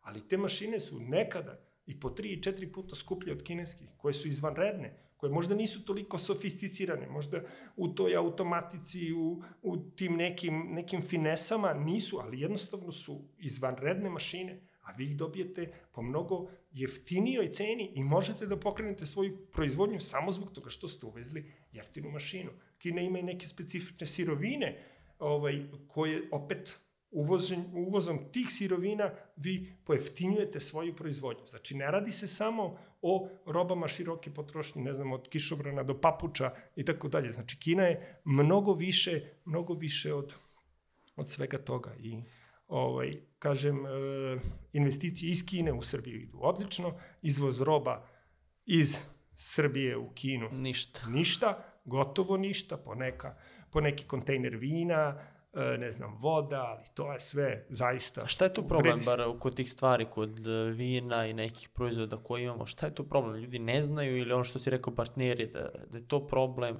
to je veliko tržište, što kažu to, ako uspe to u Kini, srpsko vino, mi smo završili. Ali zašto to ne može da, da uspe? To kvalitet ili... Pa ima svega, i kvalitet, i cena, i, i, i ovaj... Uh, verovatno ne mogu, ne mogu da, da, da, da kroz, ne znam, e-commerce ili da kažem i dropshipping se nametnu, a tamo podići ozbiljnu infrastrukturu, to jest otvoriti predstavništvo, to poslati ljude, to je već strahovito skupo, nastupi na kineskim sajmovima su strahovito skupi, nastupi u medijima strahovito skupi. Znači, to je ovo što, što i vi i tvoji gosti mnogo pričate ovde, možda ti neki neke, neke korišćenjem novih, novih znanja, novih tehnologija, e, e, kroz digital marketing probati tu nešto, ali zaista ja, ja mislim da će to bez e, heavy prisustva tamo u Kini i dobrog razumevanja Kine ići jako teško i Mislim, u- Kina izvozi u Srbiju preko milijardu, milijardu i 200, milijardu i 300 miliona dolara, a izvoz Srbi, Srbije bude ponekad i po 5-6 miliona. Ozbiljno. O, to, to je baš Mislim, to je, to je smešno. smešno. To je mnogo malo. Mislim, ali, ali m, opet, kažem, e, e, nismo mi jedini. Nismo jedini. Mnogo je teško, mnogo je teško. Mnogo zahtevno tržište, mnogo su specifični, imaju svoje, e, svoje ovaj, e, i svoje navike i drugačiji su um, i i ovaj Treba se samo prilagoditi. najveći najveći igrači znači ono što Kini danas treba generalno pričam sve su visoke tehnologije znači samo visoke tehnologije a mi ih nemamo nema ih u mnogo slučajeva ni Evropa ima ih samo Amerika koja iz svojih strateških razloga u mnogim slučajevima, pogotovo u nekom svemirskom programu, kalkuliše sa, sa tim transferima tehnologije, što Kineze jako, jako ovaj, iritira i ljuti. Znači, luksuzne robe, luksuzne robe brendovi, automobili, vina, luksuzni sirevi, hrana i tako dalje. I tu se sve završava. Inače, ovo nešto što, što ide uh, masovno, to, to sve oni kontrolišu i Oni to svojim, mogu da naprave. mogu da naprave i, i, i imaju već, mislim, mi sad pričamo o, o, o, o zemlji koja ima najveću uh, srednju klasu potrošača. Znači već negde 700-800 miliona ljudi živi standardom zapadne Evrope. A To je ozbiljna brojka. impresivan broj. A da ne pričam da trenutno, na primjer, u Pekingu ima više dolarskih milijardera nego u Njujorku. Više dolarskih milijardera nego u Njujorku. Znači, koji je bio grad do pre par godina. Znači, Kina je postala i, i najveći potrošač posle Amerike e, luksuznih roba. Pretekli su Nemačku i Japan. Tako da su to sve stvari, sve stvari ovaj, koje traže traže, o, o, pogotovo izvoz naših roba, traže ozbiljne analize, ali mi tu, opet kažem, kao mala firma nismo našli sreću. Mi smo, kažem, evo, po, pošto pričamo, uvezli jednu, jedan kontingent antikvarnog francuskog nameštaja u Kinu. Zastupali smo jednu našu slikarku i dan danas, Mirjanu Mit, organizovali smo je šest izložbi u Kini, neke su bile izuzetno dobro komercijalne, znači izvozili našu umetnost zastupali smo naše basketaše 3 sa 3, 3 na 3 Liman, Stefana Stojačića Da. i njegovu ekipu. Znači, oni su dolazili na neke turnire. Zastupali smo uh, u saradnji sa, sa prvom nacionalnom futbolskom akademijom Kine, Boru Milutinovića, našeg čuvenog futbolskog trenera koji je bio i trener Kine. Eto i o tome možemo malo da pričamo, jer to je zaista jedan, jedan možda najbriljantniji e, primer našeg čoveka koji je radio u kineskoj firmi, znači u kineskoj futbolskoj federaciji i napravio uspeh koji je nezapamćen, koji nije mogao niko, niko da ponovi. Ali, kažem, to sve u odnosu na, na, na, Ono na šta biznis, uvozite ovamo, na biznis izvoza iz Kine je zaista ovaj, mali. Ja mogu sad da kažem ovako da, da, da mi pripadamo i kao porodica i kao firma jednom ekskluzivnom klubu, ja ga zovem 20 plus, 20 i više godine u Kini. Jer e, I to je nešto što je, što je specifično. Vi u Kini ne možete da pričate o drugoj, trećoj generaciji e, imigranata, kao kad pričate o našoj dijaspori u, u Americi ili u Engleskoj, gde ste vi mogli. Ja vam ponavljam, mi kad smo došli u Kinu, u Kini je bilo 300 naših ljudi. Znači, vi tu, tu nemate vi da se oslonite iskustveno na, na, na naše ljude ili čak nema, nije bilo ni, ni, ni stranaca, nema nikoga. Znate, ali je, ali, je, ali je atmosfera bila neverovatna i to je ono što, što bih ja poželeo ovaj, svakome ko može da doživi da, da i u biznisu uđe u taj jedan talas i trend rasta kad je sve Disneyland u biznisu. Disneyland. tad se, tad se uleće, to je, Kad se uleće. To je, a, pričali smo znači od onog samog starta, ko su bili klijenti, od ljudi koji rade s garderobom, danas je, ono, jedan od projekata, verujem da, da si najponosniji na, na taj projekat, ispravim ako, ako grešim, Hram Svetog Save, gde ste vi, a, preko vas je išao Merber, 3500 kvadrata za Hram Svetog Save. Za pod, da. Kako da. ste došli do, do toga prvo, kako izgledalo to, to je veliki projekat? Pa jeste, mi smo, ja nisam pomenuo, ovaj, ali e, mi smo svih ovih godina jako mnogo radili građevinske materijale. E, I u stvari to je bio možda, možda proizvodni program koji smo najviše razvijali. Znači sve za opremanje opremanje zgrada, stanova, znači keramičke pločice, granit, mermer, kupatila, rasveta i tako dalje, da ne nabrajam. I mi smo imali nekoliko ovaj, dobrih, dobrih i velikih projekata, pored ovog rezidencijalnog dela, u, u hotelima. Radili smo opremanje hotela Nebeska stolica na Koponiku, hotela Crni vrh na Divčibarama, hotela Fruške terme na Fruškoj gori. I to nas je, e, to nas je, da kažem, kvalifikovalo i, i, ovaj, e, i preporučilo patrijaršiji da, da oni u, u ovoj poslednjoj u poslednjoj jednoj uh, vrlo dinamičnoj uh, fazi izgradnje uh, hrama Svetog Save uh, se uh, odluče za nabavku za nabavku uh, mermera, intarzije za pod uh, na hramu uh, već si rekao negde oko 3.500 kvadrata. Nikolaj Muhin, uh, ruski akademik, je najveći trenutno i u poslednjih deseta godina autoritet kad se, kad se radi ovaj, kad se priča o uređenju hrama Svetog Save, je naravno napravio nacrte, mi smo onda u skladu sa tim nacrtima izabrali fabriku koju sam ja posetio 2001. godine, znači pre ovaj, mnogo godina sa kojima smo uspostavili izuzetno dobru saradnju. Oni su shvatili uh, važnost projekta, uh, sve to ovaj, smo mi uh, proizveli, kamen je došao iz osam zemalja sveta, uh, uh, sklopili u Kini, kao i sve druge robe, proverili kvalitet, demontirali kontejnerima, uh, poslali Uh, Koliko je to bilo kontejnera?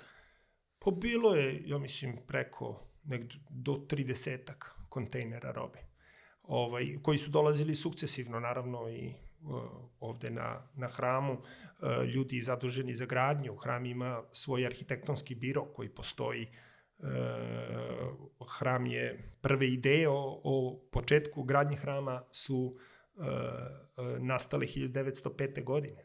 Tako da ovo što se sada dešava zaista je jedno grandiozno finale.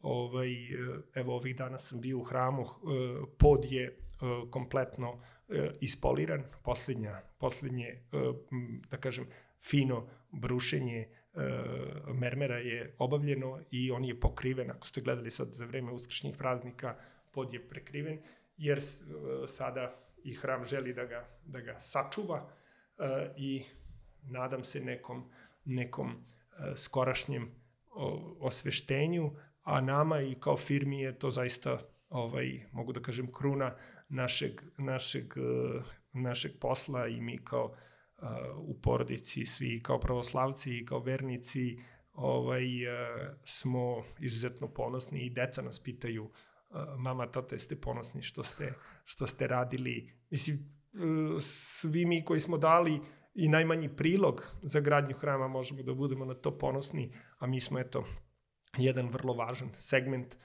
hrama eto uspeli da uradimo, ali šta bih hteo da, da napomenem isto tako je da to e, što je, što je pod urađen e, tamo gde je urađen i da je kamen iz osam zemalja sveta, treba reći da je da da su, ukoliko, a to se zna, da je mozaik, zidni mozaik rađen u Rusiji, da su vrata rađena u Nemačkoj, da je, e, da je mnogo toga na hramu rađeno van zemlje, jer je ideja od, od same te 1905. godine bila da je hram toliko grandiozan projekat da naša, e, da naš narod i naša crkva jednostavno će jako teško takav jedan projekat da sprovedu.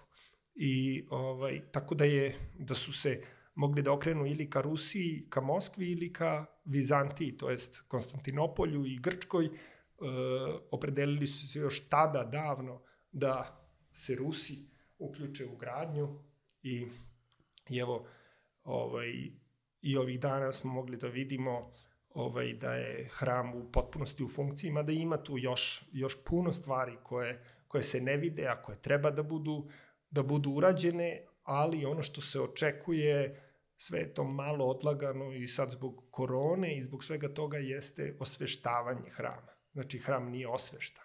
I to je poslednje nešto, to je, ideja je da to naravno bude uz, kako to se već u, u, u pravoslavlju kaže, na sabor, saborski način, da se saberu i okupe sve pravoslavne crkve, svi patrijarsi, svi verovatno i, i državni predstavnici i da se napravi jedan zaista spektakl e, i okupljanje pravoslavlja e, i tu verovatno dođe milion, dva miliona ljudi.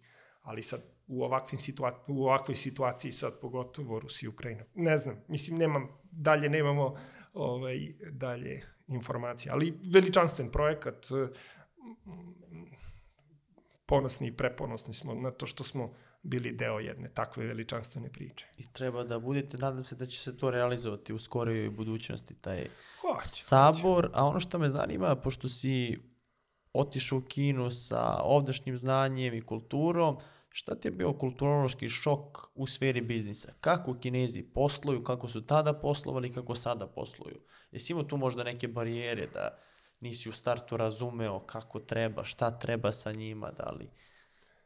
Pa, ovako, možda, možda da krenem od, od, od ove stvari koje po meni, ako bi trebao u jednoj reči da, da ovaj, definišem i Kinu i taj neki moj odnos u Kini i Kineza između sebe jeste poštovanje. Znači, to je to je zemlja i to su ljudi koji u sebi duboko u svim, ajde kažem, u mnogim segmentima i poslovanja i života i organizacije porodice uh, imaju duboko usađeno poštovanje, a to vuče, vuče korene još od Konfučija i od njegovih, njegovih uh, učenja. Znači, uh, vi u organizaciji firme. Znači, naši, mi smo uvek zapošljavali i kineze, i danas zapošljavamo i kineze i naše, naše ljude. Mi smo zbog specifičnosti i e, najviše e, tog, tog e, broja partnera koji su dolazili sa naše govornog područja zapošljavali ili e, prevodioce za kineski ili ekonomiste, ali sa znanjem, sa znanjem kineskog jezika, naše i kineze. Znači, kinezi nikada nisu tražili povećanje plate. Nikada nisu povisili to. Um, I kad bih ja u nekom razgovoru jednog od njih, mog Mr. Juanga, Kevina pitao, ovaj, jeli, pa zašto? Kaže, kako, kako ja mogu tebi da protivurečim. Ti si gazda, ti si bos, ja sam radnik. Mi nismo ošte na istom, na istom nivou. Sledeće, taj isti moj, uh, rekao sam Kevin Erik, Zhuang Minjie, je u prvoj firmi u kojoj smo radili zajedno ostajao svako veče do 10 sati uveče.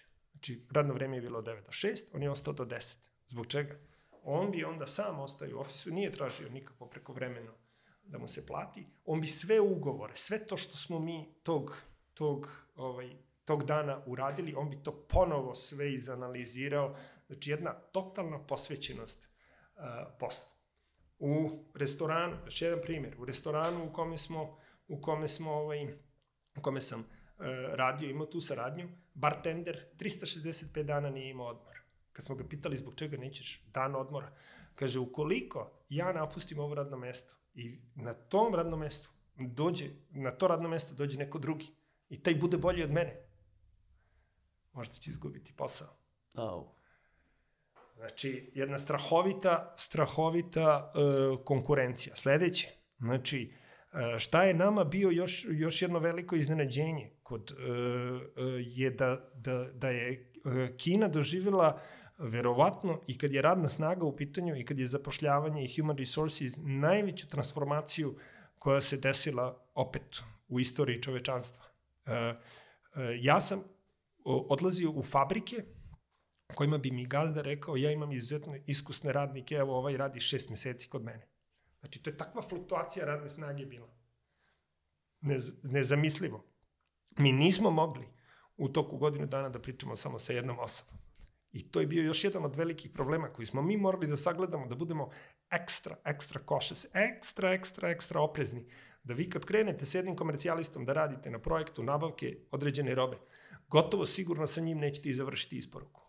Jer će on već da, da, da promeni svoje radno mesto. Znači, jedan, uh, a plus da vam kažem da ima 300-400 miliona migranata koji, uh, kad se završi kineska nova godina, a to je kraj januara, početak februara, potpisuju ugovore za narednih godinu dana. Svi vlasnici fabrika sada gađaju te, uh, te regije, siromašnije regije Kine, odakle treba regrutovati radnu snagu. I zbog toga su ti veliki, veliki problemi oko kineske nove godine kad su i duži, dugi praznici, ali oni jednostavno kao futbalske ekipe ne mogu da oforme tim koji će da rade. Jer ako vi ponudite 10, 15, 20 dolara veću platu, taj će radnik da ode, to, to pričamo o, o običnim, običnim radnicima koji rade na, na proizvodnim linijama i čija obuka verovatno traje 2-3 dana, 5 dana. Da ne, ne, treba, ne trebaju nikakva posebna znanja za, za te ovaj, poslove. Tako da se onda tu dešavaju ono, disruption, kako se kaže, e, neki poremećaj i da vi jednostavno, ako upadnete u to, ovaj, e, u te makaze, možete da jednostavno vam se e, dešavaju problemi prilikom isporuke. E sad ovako neki, neki kulturološki šokovi, evo, poput ovoga što smo sad ovde imali situaciju, oni piju čaj, znači piju toplu vodu, ne piju kafu, e, imaju, imaju svoje alkoholna pića. E, ja sam uvek maksimalno pokušavao da ispoštujem te njihove poslovne običaje. Vizit karta se uvek daje sa dve ruke. I na vizit karti piše sve. Na vizit karti piše ko, e, koja je vaša pozicija, e, koji je vaš rang u firmi. O tome se jako vodi računa.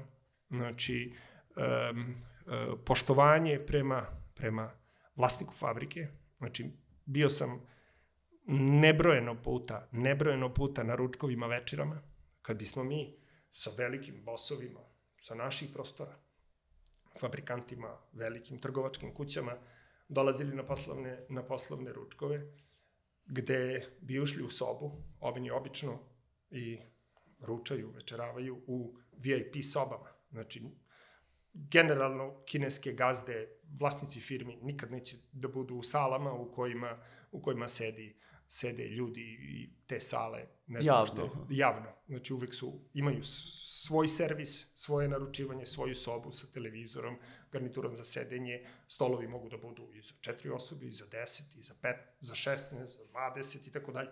Znači, nebrojeno puta, ukoliko bi čekali glavnog domaćina, glavnog gosta, niko ne bi seo za sto. Niko ne sedne za sto. Znači, i kinezi, i mi. Uvek, ukoliko nas je bilo četvoro ili petoro, uvek bi kineska strana imala barem po jednog, ako ne i dvoje ljudi više. Znači, Da uvek budu su, dominantni. uvek su dominantni brojčano za stolom. Sledeće, znači mi se svi stojimo i cupkamo oko stola. Mislim, Čekamo gazdu. čekamo gazdu. Kad gazda uđe, zna se tačno gde gazda seda. Gazda sedi ovako, ko što ste mene ovde postavili, ja gledam na ulazna vrata. Znači gazda, tako sedi. Gazda mora tu da sede. Gazda seda prvi i priča ko gde sedi za stolom.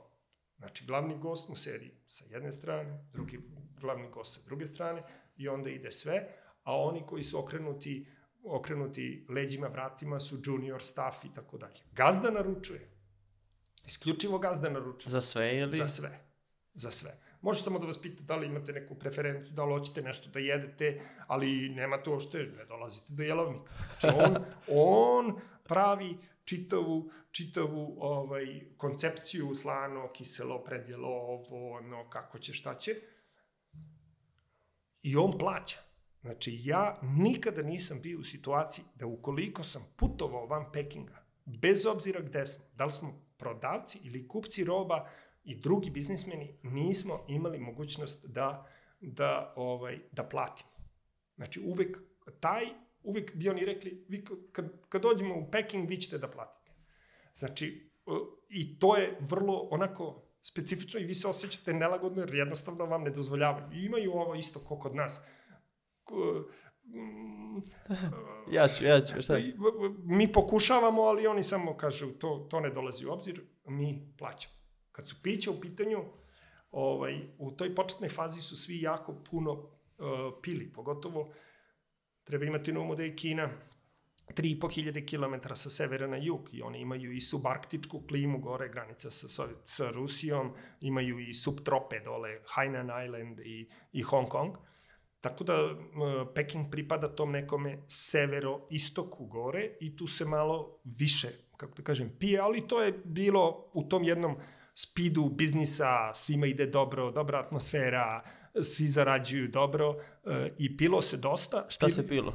Pa uglavnom njihove rakije. Znači, kreće se sa čajem, odmah sednete, svi dobiju čaj, ovaj, onda ide rakija i pivo, generalno.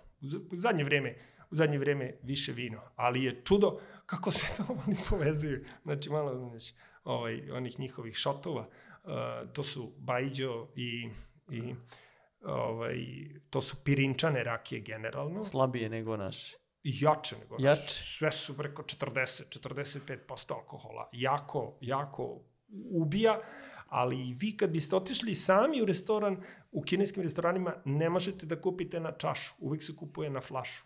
Znači, i onda, kad gazda, ukoliko nas je manje, kupi flašu, to mora da se popije. Znači, malo su, tu su bili malo, malo agresivniji u toj, ajde da kažem, prvih možda desetak godina boravka, ali ono što sam, što sam ja primetio je da su se, bili, da su se posle malo bili umorili. I već za ručak nas nisu terali barem da mnogo pijemo. E sad, na primjer, još jedna, još jedna onako interesantna stvar, ovaj, zakazivanje, zakazivanje sastanak je bilo interesantno. Znači, vi hoćete da posetite neku fabriku i sad zavisi kad, vas, kad, vas, e, kad vam odrede ovo tačno vreme dolaska, ručak je od 12 do 2. Znači, ukoliko vam kažu da dođete u 11, to podrazumeva da ćete da ručate s njima.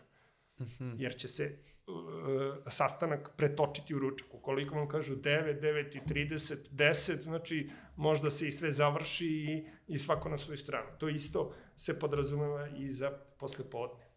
Tako da ovaj, e, ono što sam, što sam ja odmah naučio i od tog svog, ajde da kažem, mentora prvog, uh, uh, tog bračnog para, Milici Tihoslava Tošića, jeste da, da, da ih maksimalno poštujemo, da ih, ali i da se prepustimo da, da, i da smo mi tu kao stranci ti koji naravno treba da donesemo znanje, iskustvo, kontakte iz sveta, ali da prepustimo njih da između sebe oni, oni rade. I to je, mislim, bila jedna od najpametnijih stvari koju smo, koju smo odmah radili. Nismo se oslanjali samo na naše ljude, uvek smo imali odlične lokalce, odlične kineze, koji su, kojima bi onda mi predočavali šta želimo i koji je naš problem da, ovaj, da rešimo za naše partnere i za našu firmu.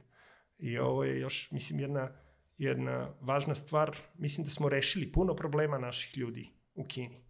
I kažu, ako imate, ako možete da rešite jedan problem nekome, partneru, vi ste dobri. Mi smo uvek i organizovali, uh, organizovali ovaj, i pronalazili odlične partnere. I to nije, mislim, to, to, to izgleda, to izgleda lako, ali, ali, ali je to džungla, džungla. I onda, ajde da kažem, još jedan ključ rešavali kontrolu, kontrolu kvaliteta. Jer I bez toga, zaista, to su bile neke naše, naše komparativne prednosti. A šta ti je bio do, najveći, najveći neuspeh? Znaš da volim to da, da pitam o toj, na toj kineskoj turi, u kineskom biznisu. Ili imaš neki koji bi izdvojio? E, ja nisam, ja ti nisam ovaj, rekao da, da sam ja poslednjih desetak godina u Kini ovaj, izvini sad pravim digresiju, ovaj, um, se uključio u jednu u jedan uh, u jedan biznis od, i malo prepustio uh, biznis naš ovaj core biznis uh, firme Starlink i nabavke robe iz Kine i sa svojim uh, velikim prijateljima se uključio u prodaju rude gvožđe u Kini. I ja sam od 2008. do 2017. Uh, bio sales za iron ore, znači za rudu gvožđa koja je dolazila van Kine, a ja sam oformio ekipu, ekipu, ovaj, ekipu koja je prodavala robu kineskim čeličanama. Uh, uz to uz to što smo prodavali i ta je roba išla na brodove. Znači tu više nije bilo kontejnerskih isporuka, to su isporuke brodova preko okeanskih od 50.000 tona do 170.000 tona. 170.000 tona je 8.500 kontejnera. Znači svaka isporuka. Znači, we are talking about big business. Znači, vrlo, vrlo specifična commodities trading, znači vrlo, vrlo, vrlo, vrlo uh, very different game. Uh, u tom, u, u, uh, firma je, kao firma, uh, morala da ide i na futures market. Znači, da... Uh, Šta je futures za one koje ne znaju? Pa futures je, uh, je mehanizam gde firme koje, na primjer, aviokompanije, koji, u, u, u kojima e, od jedne određene robe, to je sirovine, zavisi u mnogome cena proizvoda, ne mogu da dozvole da ukoliko se desi velika fluktuacija na svetskom tržištu, da jednostavno njihov proizvod toliko poskupi i ukoliko oni kupe preskupu, preskup kerozi, na primjer naftu, aviokompanija, koliko je u mogućnosti da podigne uh, i cenu, cenu karata. I zbog toga mnoge kompanije kompanije pucaju. E sada, znači, e, čeličane, čeličane su to radile, zbog toga što im je od Iron Ora zavisio možda i do 80% e, od rude gvožđa, uključujući Smederevo. Tvoje Smederevo, železara. znači železara Smederevo, ne može da dozvoli da, da kupi toliko skupu, skupu, ukoliko kupi, znači, sirovinu u vrednosti, ne znam, 20 miliona dolara, ide na futures market i u istom trenutku prodaje 20 miliona dolara vrednosti, uh, vrednosti uh, futures. I u tom slučaju onda ukoliko ovde dobija, na drugoj strani, na drugoj strani gubi. E sad, to je igra, znači i Kinezi su uh, oformili uh, berzu u gradu Dalijanu i uh, do tada je u Aziji bila dominantna uh, ta berza u Singapuru. Prvi dan kad su otvorili berzu, ja mislim da je bilo deset puta više biznisa nego, nego do tada dominantna u Singapuru i odmah su ovi postali totalno nevažni igrači. Znači, i za mnoge, za mnoge robe uh, je danas u svetu referentna cena cena koja se, koja se postiže u Kini, a onda je svi drugi copy-paste. E, u tom biznisu Futuresa sam imao, ovaj, nisam imao, nisam imao puno, puno, ovaj, da kažem, uspeha. Uh, probao sam, borio sam se... Koliko se to radi? 8 godina, 10?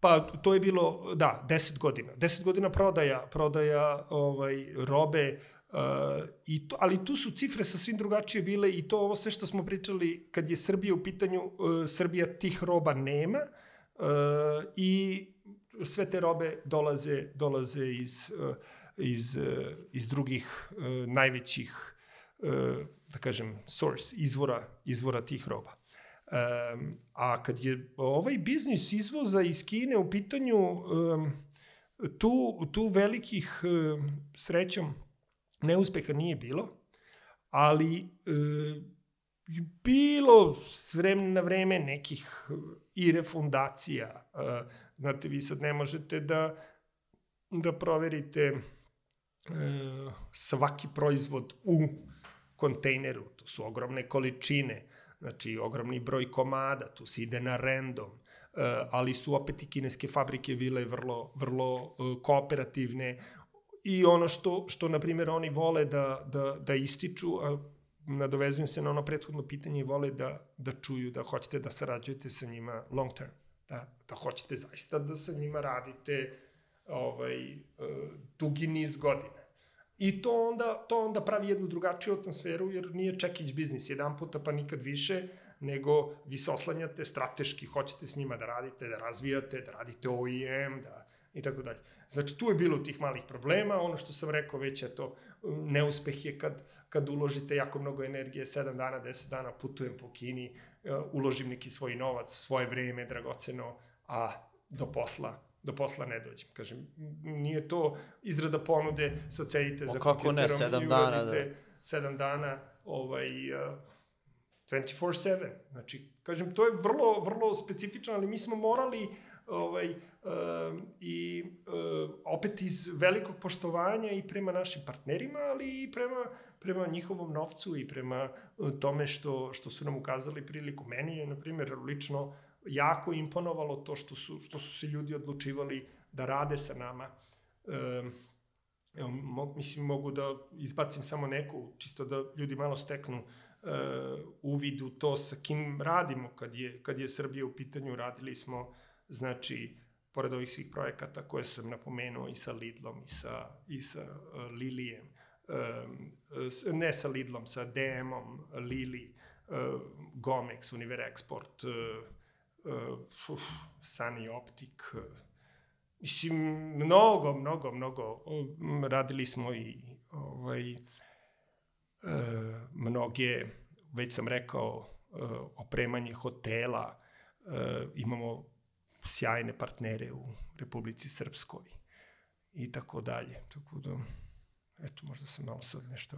Neko izostavio, ovaj. ali nema, nema veze. E, znači, iz biznisa sa gvožđem i sa futuresima si izašao? Pa jesam. U, u trenutku kad, sam, kad, sam, kad smo 2017. godine odlučili da, e, da više vremena provodimo u Srbiji, ideja je bila i to se sve do korone dešavalo da smo bili šest meseci u Srbiji, šest meseci u Kini. Ovaj, um, jedan od razloga je bio i naša želja da nam deca idu ovde u školu, da, ovaj, da imali su mi svi obožavamo Kinu, volimo Kinu i sve aspekte života u Kini, ali smo želeli da žive u Srbiji, eh, da, da ovde pohađaju školu. Uh, tako da onda više nisam mogao da budem da budem ovaj da budem u, u, u Pekingu sve vreme, a ovaj commodities trading je je tražio zaista ovaj 24 sata posvećenost nije bilo možda toliko uh, toliki veliki broj transakcija ali količine su, su velike su količine velike velika vrednost ugovora Um, Koje su količine bile? Priča se mi baš u odnosu na železaru, koliko železara uvozi, koliko ste vi radili? Pa, e, železara Smederevo, koliko ja znam, uvozi između 3 i 4 miliona uh, robe. Tone. Ovaj, 3, 3 do 4 miliona tona rude gvožđa. Uh, mi smo kao firma uh, nekih godina uh, prodavali i do 7 miliona tona a ja lično sa mojim ofisom milion i po tona. Znači pola, pola količine koju Smederevo proguta za godinu dana ovaj, smo mi prodavali kineskim čeličanama. Ja sam otvorio možda negde 40 do 50 velikih kupaca, znači čeličana i velikih uh, kineskih uh, uh, trading houses, znači velikih uh, um, um, velikih kineskih uh, uh, kompanija, kompanija i... koje se bave trgovinom tih ruda. Uh, nadam se da nismo uh, i u ovom razgovoru do sada mnogo brojeva izbacivali, nismo, ali zaista nismo. kad je Kina u pitanju uh, uh, sve cifre koje se kažu zvuče, zvuče apsolutno ovaj, impozantno. ludo, impozantno. Znači, i evo, iskoristit ću ovu priliku samo da, pošto si ti pomenuo Smederevo i Železaru Smederevo, uh, znači, um, kad je čelik u pitanju, znači, svi smo učili da je čelik strateški materijal, ako imaš čelik, možeš, znači, čelik se koristi i u, u jer tako, u građevini, stanova, infrastrukturi, vojska, brodogradnja, Sve. svi koriste čelik. Znači, još uvek danas uh, nije pronađena substitucija za čelik. Ima tu i tamo nekih pokušaja, ali još uvek je imaš čelik, nemaš čelik. Znači, to je jedan od osnova razvoja. E, znači, pre 2000. godine najveći proizvođači svetski čelika su bili Kina, Amerika, Južna Koreja, Japan, Ukrajina, Rusija, Brazil, Indija. I svi su bili na negde oko 100 miliona tona. Znači, proizvodnje. 100 miliona tona. Čelika. Srbija, znači Smederevo, eto, 3-4 miliona. Znači, 100 miliona najveći proizvođači. U roku od 10 godina, znači, kad se ja uključujem u ovaj biznis, ovaj, e, prodaje rude gvožđa, Kina počinje da proizvodi 700 miliona tona čelika. No. Znači, sedam, oni povećavaju svoje proizvodne kapacitete čelika u odnosu na Sjedinjene američke države sedam puta. I šta se dešava? Znači, Biznis gde je ruda? Gde je ruda? Dajte nam rudu, gladni smo. Sedam puta povećavaju kapacitete Amerike. Ali do čega to dovodi? E, i ideja tog mog ofisa je bila e, i sedište u Pekingu, zato što se od Pekinga 150 km istočno nalazi grad Tangshan, u kome ima 160 visokih peći. U 160. jednom selu, u jednom gradu. Taj grad možda ima pola miliona stanovnika. 160 visokih peći. Znači, vi sad, znači, moje, moje službeno putovanje je, sednemo u auto, odemo tamo, uzmemo hotel i krenemo. I u toku dana obiđemo dve ili tri čeličane, sad zavisi Ti si tu njima bukvalno prodavao. prodavao sam, nudili smo im robu da oni da oni ubace u svoj u svoj ovaj uh, u svoje proizvodne planove tu robu koju smo im i nudili, najviše te robe dolazilo iz Indije. Znači, uh, i uspevali smo da imamo nišu marketa, da imamo i najnekvalitetniju robu i naj, najkvalitetniju. Što, je, što nam je onda davalo tu neku, neku komparativnu prednost, jer ukoliko je market bio dobar i cena, cena rude, ovaj, cena čelika išla gore, mogli se tu kupuju kvalitetniju rudu. Ukoliko bi bilo ono što kažu u Smederevu, e, tiha vatra i ovo, za, za održavanje minimalne proizvodnje ti treba najnekvalitetnija ruda, jer ti onda to samo malte ne ovaj, Održavaš i- održavaš, održavaš da ne bi ugasio visoku peć, jer ukoliko se ugasi visoka peć, to su milioni dolara da se Troškova, to, da, da, se to da posle se- restartuje. Ali, ovaj, Jesi išao ti tu sa prevodiocem ili kako pa da, naravno, to? Da. ja sam imao tu, tu moje, ovaj, moje saradnike, bilo nas je tu opet e, nikad više od deset. To je opet isto, isto specifičan biznis, znači tačno se zna ko tu robu ima, ko ima, koji rudnici, koje, koji rudnici imaju tačno tu robu i koji su kupci i mi smo tačno e, sagledavajući e, sve te kupce i pričajući sa njihovim purchase menadžerima, ovaj, smo, smo shvatali koja njima roba treba, tako da smo vrlo vrlo teško uspevali da im, da im robu prodamo. Da. Ali ovaj, e, možete da mislite, znači, kako je izgledalo pričati sa purchase menadžerima tih najvećih kineskih čeličana, a čeličana koja je kupila Smederevo, Hbis, znači Hebei Iron and Steel. Iron and Steel, znači Hebei je provincija koja okružuje Peking. Znači oni imaju 28 visokih peći. Znači mi smo i mi, njima prodavali robu, ali na primjer e, veliki prosječni naši kupci su imali po 10 do 15 visokih peći. Ti purchase menadžeri su donosili odluku za milijardu i po do dve milijarde dolara na godišnjem nivou. To su bila prava zatvaranja. Znači, sedite sa čovekom koji, može da, koji donese odluku da kupi 2 milijarde dolara godišnje. Kako moć, izgledaju moć. ti, kako izgledaju sad ti poslovni sastanci sa takvim ljudima, gde ti ideš da im prodaš nešto, na kom je to nivou, kako to izgleda? Jel se pije rakija, čaj? Pa sve.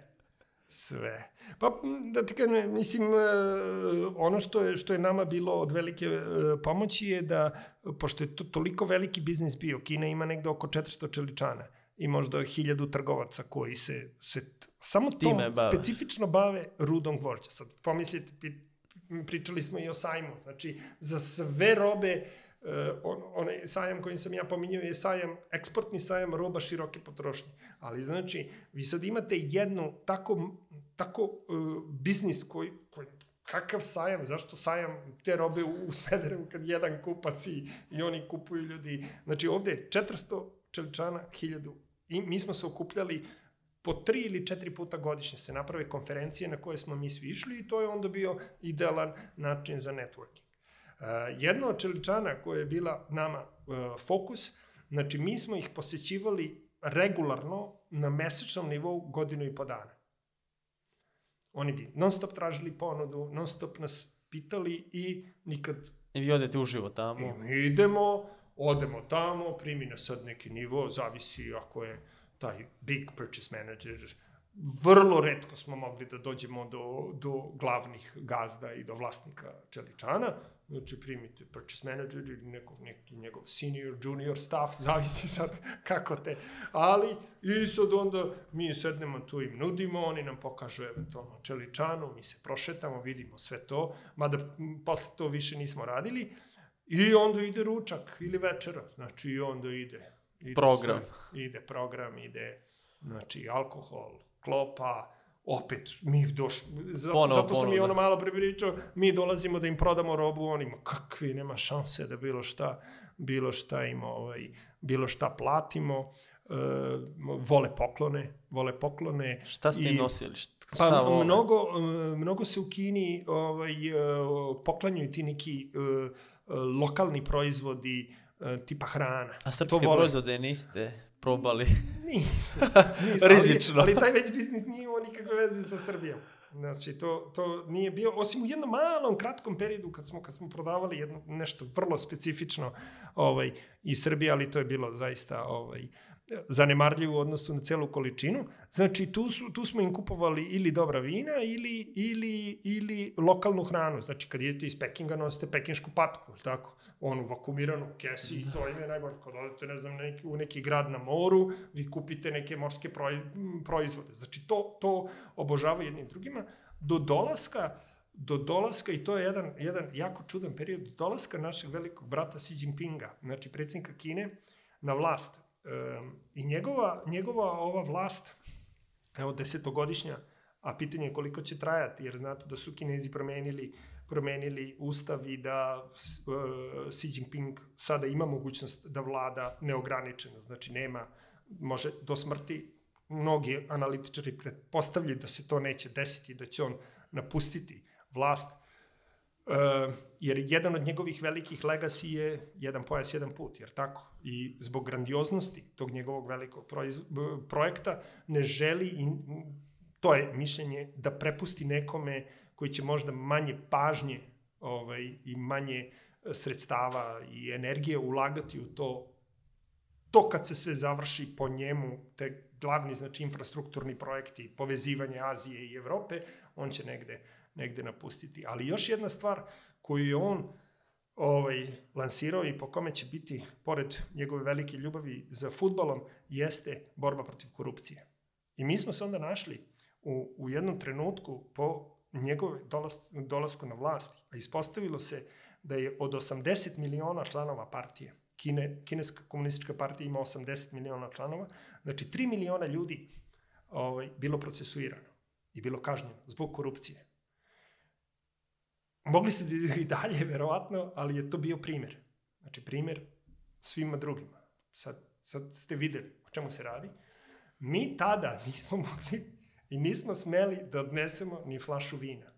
Znači, svi su nam pričali nikako, ništa, ništa, ništa. Poslovna zgrada u kojoj smo mi bili, jedno onako iconic buildings, chocolate building, city building u Pekingu, svake godine bi nam management zgrade davao poklon svim stanarima, vino, bombonjere i tako dalje, kalendare te godine, a to je puklo negde u oktobru, novembru, nisu, nisu nam ni kalendar smeli da daju. Znači, to su te velike kampanje koje Kina, koje Kina sprovodi i, i onda jednostavno brutalno je to sve stalo i onda posle dve, tri godine evo ih ponovo, Patke, ponovo se, darovi. ponovo sve kreće. Tako da, ovaj, ali, ali ovaj, e, e, upornost, upornost, e, e, ovo, vraća se na ovo tvoje pitanje, kako, kako doći do njih, upornost, dobro poznavanje, ovaj, e, e, preciznost u ponudi, oni su i pretpostavljam i ako si i ti imao ovaj, neka iskustvo sa njima, vrlo su predusretljivi, daju informacije brzo, precizno.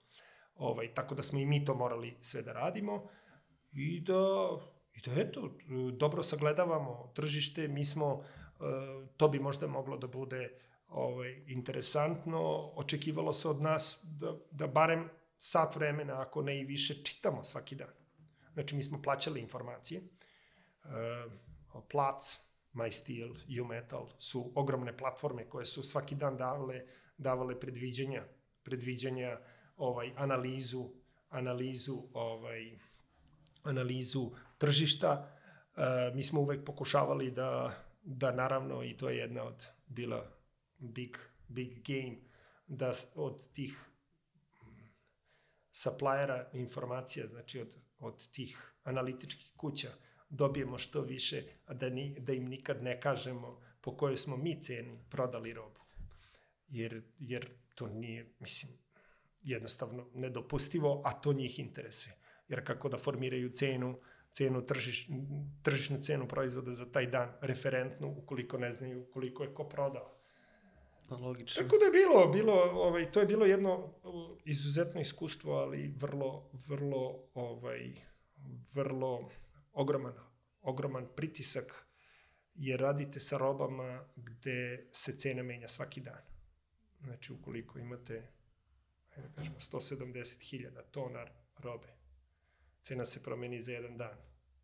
Znači, na dole. Vi gubite 170.000 dolara. Po sledećeg dana 2 dolara. 340.000 na onih 170. Turbulentno. A spomenuo si sad... A isto tako ide i gore. E sada, risk management firme je bio doveden do perfekcije. Po meni, izuzetno dobar risk management. E, I tako dalje, i tako dalje. Ali, ali ovaj, e, e, ima, ima mnogo, mnogo drugih biznisa koji su less frustrated.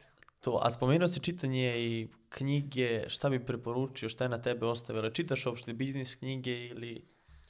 Pa ovaj, e, evo, pošto smo sad pričali o ovome, e, kad su futuresi u pitanju, ovaj, tu je knjiga koja je kao biblija tog i govori o jednom vrlo interesantnom eksperimentu vezanom za commodities trading i za futures, a to je uh, The Way of the Turtle, turtle, kornjača, Kurtisa Fejta. Ovaj, I cela, cela, cela priča je sa i postavlja osnovnu tezu da li na tom futures marketu treba da se, da se trguje mehanički, to jest, ne bi rekao algoritmom, ali da se pridržavate pravila i da stalno po istom principu na dugi, ni, na dugi rok uh, proizvodite vrednost ili da pokušavate da sagledate budućnost. Znači, da li možemo da znamo šta će se desiti u budućnosti? Pisat ću Ima knjigu još i jedna, stavit ću kao još jedna preporuku. knjiga Black, Black Swan, znači koja govori... Od Taleba. Da, Stavit ću sve u opisu. Samo opisu. se vrati, samo se vrati u, u, u, u špekulacije da li će biti rata u Ukrajini ili neće. I koliko je ljudi moglo da zaradi ogromne pare 9-11, da si znao da će se desiti 11. septembar, ili tako? Znači, to su ti Black Swanovi u svetskoj ekonomiji koje vrlo mali broj ljudi. I to je glavna teza da vrlo mali broj ljudi zna da će se to desiti. A sa šta ako se to desi? Znači, risk management i tako dalje i tako dalje. Znači, to su neke, neke knjige iz, uh, i, uh, volim, ali mislim da tih knjiga nema mnogo koje govore o nekim, nekim biznisima, ali zaista iskreno. Ja se nadam da sam bio iskren koliko sam mogao sigurno mogli smo još da pričamo, ima tu puno, puno stvari, ali, ali na primjer jedna divna knjiga e, koja objašnjava e, biznis restorana i rada je Kitchen Confidential Antonija Bourdain. O, ozbiljan, da. Ozbiljan igrač, ozbiljan, ozbiljan, ovaj, nažalost, um, uh, Preminuli. preminuo je, izvršio je samoubistvo, ali, ali on je, ono što se kaže, do koske objasnio i prvi objasnio zaista šta se dešava u kuhinjama I u tom biznisu. u Njujorku, u Čikagu, znači, i mislim da nema tako o, o, mnogo tih, tih Bez dlake na jeziku. bez dlake na jeziku. Ima ova njegova srednja pečen, to, to sad završavam. Tako je. Tako. Ozbiljna glava. Ozbiljan, ozbiljan, ovaj, i naravno i Svetski napravio putnik. je, navre, napravio je, uh, ja mislim da je, da je poslednji njegov angažman bio za CNN i, i ti njegovi, ti njegove ovaj, emisije. o- Layout o- je bio, da. Jeste, te njegove emisije o kulinarstvu su zaista bile i politika i ekonomija i, i onaj njegov spektakularni ručak sa Barackom Obamom u, u Vijetnamu i tako dalje. Ali, kažem, iskrena knjiga o, iskrena knjiga o biznisu, ja, evo, čisto da ti kažem, ja pokušavam da, da, ovaj, da saberem svoje misli, napisao sam e, u poslednjoj fazi knjiga o tom mom putu oko sveta, gde pokušavam taj jedan svoj vrlo važan aspekt, aspekt života putovanja, piše mi dosta o Kini, pokušat ću eto to da... A knjiga nije, nije još izašla? Nije, ili? nije, nije još. Ovaj, o Kini piše mnogo, počeo sam jedan YouTube kanal China Vidin, jer volim da snimam China Vidin na, na YouTube-u i stavljam tako male ovaj, e, klipove od minut do pet minuta života u Kini. A gde To ljudi je- mogu da stupe u kontakt s tobom ko ima pitanja neka za, za tebe, da stavimo mail u opisu? Pa može, molim te, evo stavi mail. Firma je Starlink Enterprise Limited, imamo website, ovaj, e, firma je registrovana jedna u Hong Kongu, jedna u Singapuru, imamo predstavništvo u, u, u Pekingu, imamo firmu i u, u, u Beogradu, Sunjoy se zove, tako da ovaj, svi koji su zainteresovani ovaj, da imaju bilo kakva pitanja vezana za Kinu, ovaj, ono što, kako da ti kažem, naj, kako se kaže, najmanje volem, ovaj, najmanje volimo je da nam se javljaju ljudi koji imaju probleme, znate, jer to, je, to nam je svih ovih godina bilo najteže, zaista, um, i biznis, biznis i pogotovo sa Kinom i pogotovo ako su ljudi i neoprezni i malo sve to shvataju um, prelako i, i ovaj, ne obrate pažnju na sve detalje, dolaze, dolaze u probleme i onda nas, nas ovaj, kontaktiraju, a to sve u Kini je dosta teško, pogotovo ukoliko ste izvršili kompletno plaćanje, refundacije, znači advokati i mi smo i u, i u jednom i u ovom drugom biznisu i u biznisu commodity za uvek pokušavali ono da, da, da ne dođemo do, do sudskih procesa i kinezi ih ne vole jer e, smatraju da, da u tim saradnjama kad dođete do, do sudskog procesa sudija e, mora da, da donese odluku crno ili belo, a onda više saradnje nema. Znači, uvek je bolje iscrpeti sve moguće mogućnosti i dogovoriti se nego, nego otići na sud. Ali, kažem, svi koji imaju bilo kakve Stavit ćemo mail u opis, pa, te, hvala, pa neka, hvala. neka pišu. Zoki, hvala ti što si bio go, što si podelio svoju kinesku priču. Ostavili smo malo materijala i za sledeći put kad budeš došao, tako da hvala ti još jednom. Evo, hvala ti veliko, ja sam ovaj, uh, veliki, veliki ljubitelj tog kanala, to mi je omiljeni kanal na, na ovaj, i podcast, pogotovo od, od vremena kad, kad ti je gost bio ovaj, moj dobar prijatelj Stefan Gajić, ovaj, sjajan je bio Stefan, od tada sam zaista... Od ovaj, šest epizode. Sjajan Stefan, Stefana sam upoznao u Kini i on je proveo nekoliko godina u Kini, ovaj, uh, ostavio divan trag i on tamo ovaj, svojom, svojom neverovatnom energijom, lucidnošću i tako dalje. Sreli smo se posle i na jugu Kine u Shenzhenu. Evo i pozdrav Stefanu i tebi. Samo nastavi ovako, sjajni su ti gosti. Bilo mi je čast da pored svih tvojih prethodnih gostiju, evo i ja podelim svoju priču ovaj, i, i eto da, da nadam se da ukoliko će drugačije razmišljati o Kini, o divnom kineskom narodu, moram to da kažem, i o, o ovom mom iskustvu i, i mislim da treba, da, da, je, da je Kina budućnost. i zato nas sve više ima svake godine. Rekao sam negde već oko 20.000 naših ljudi živi u Kini i radi i mislim da, da će taj broj samo da raste. Raste Hvala ti, zajednica, hvala, a mi se vidimo u narodnoj biznis priči.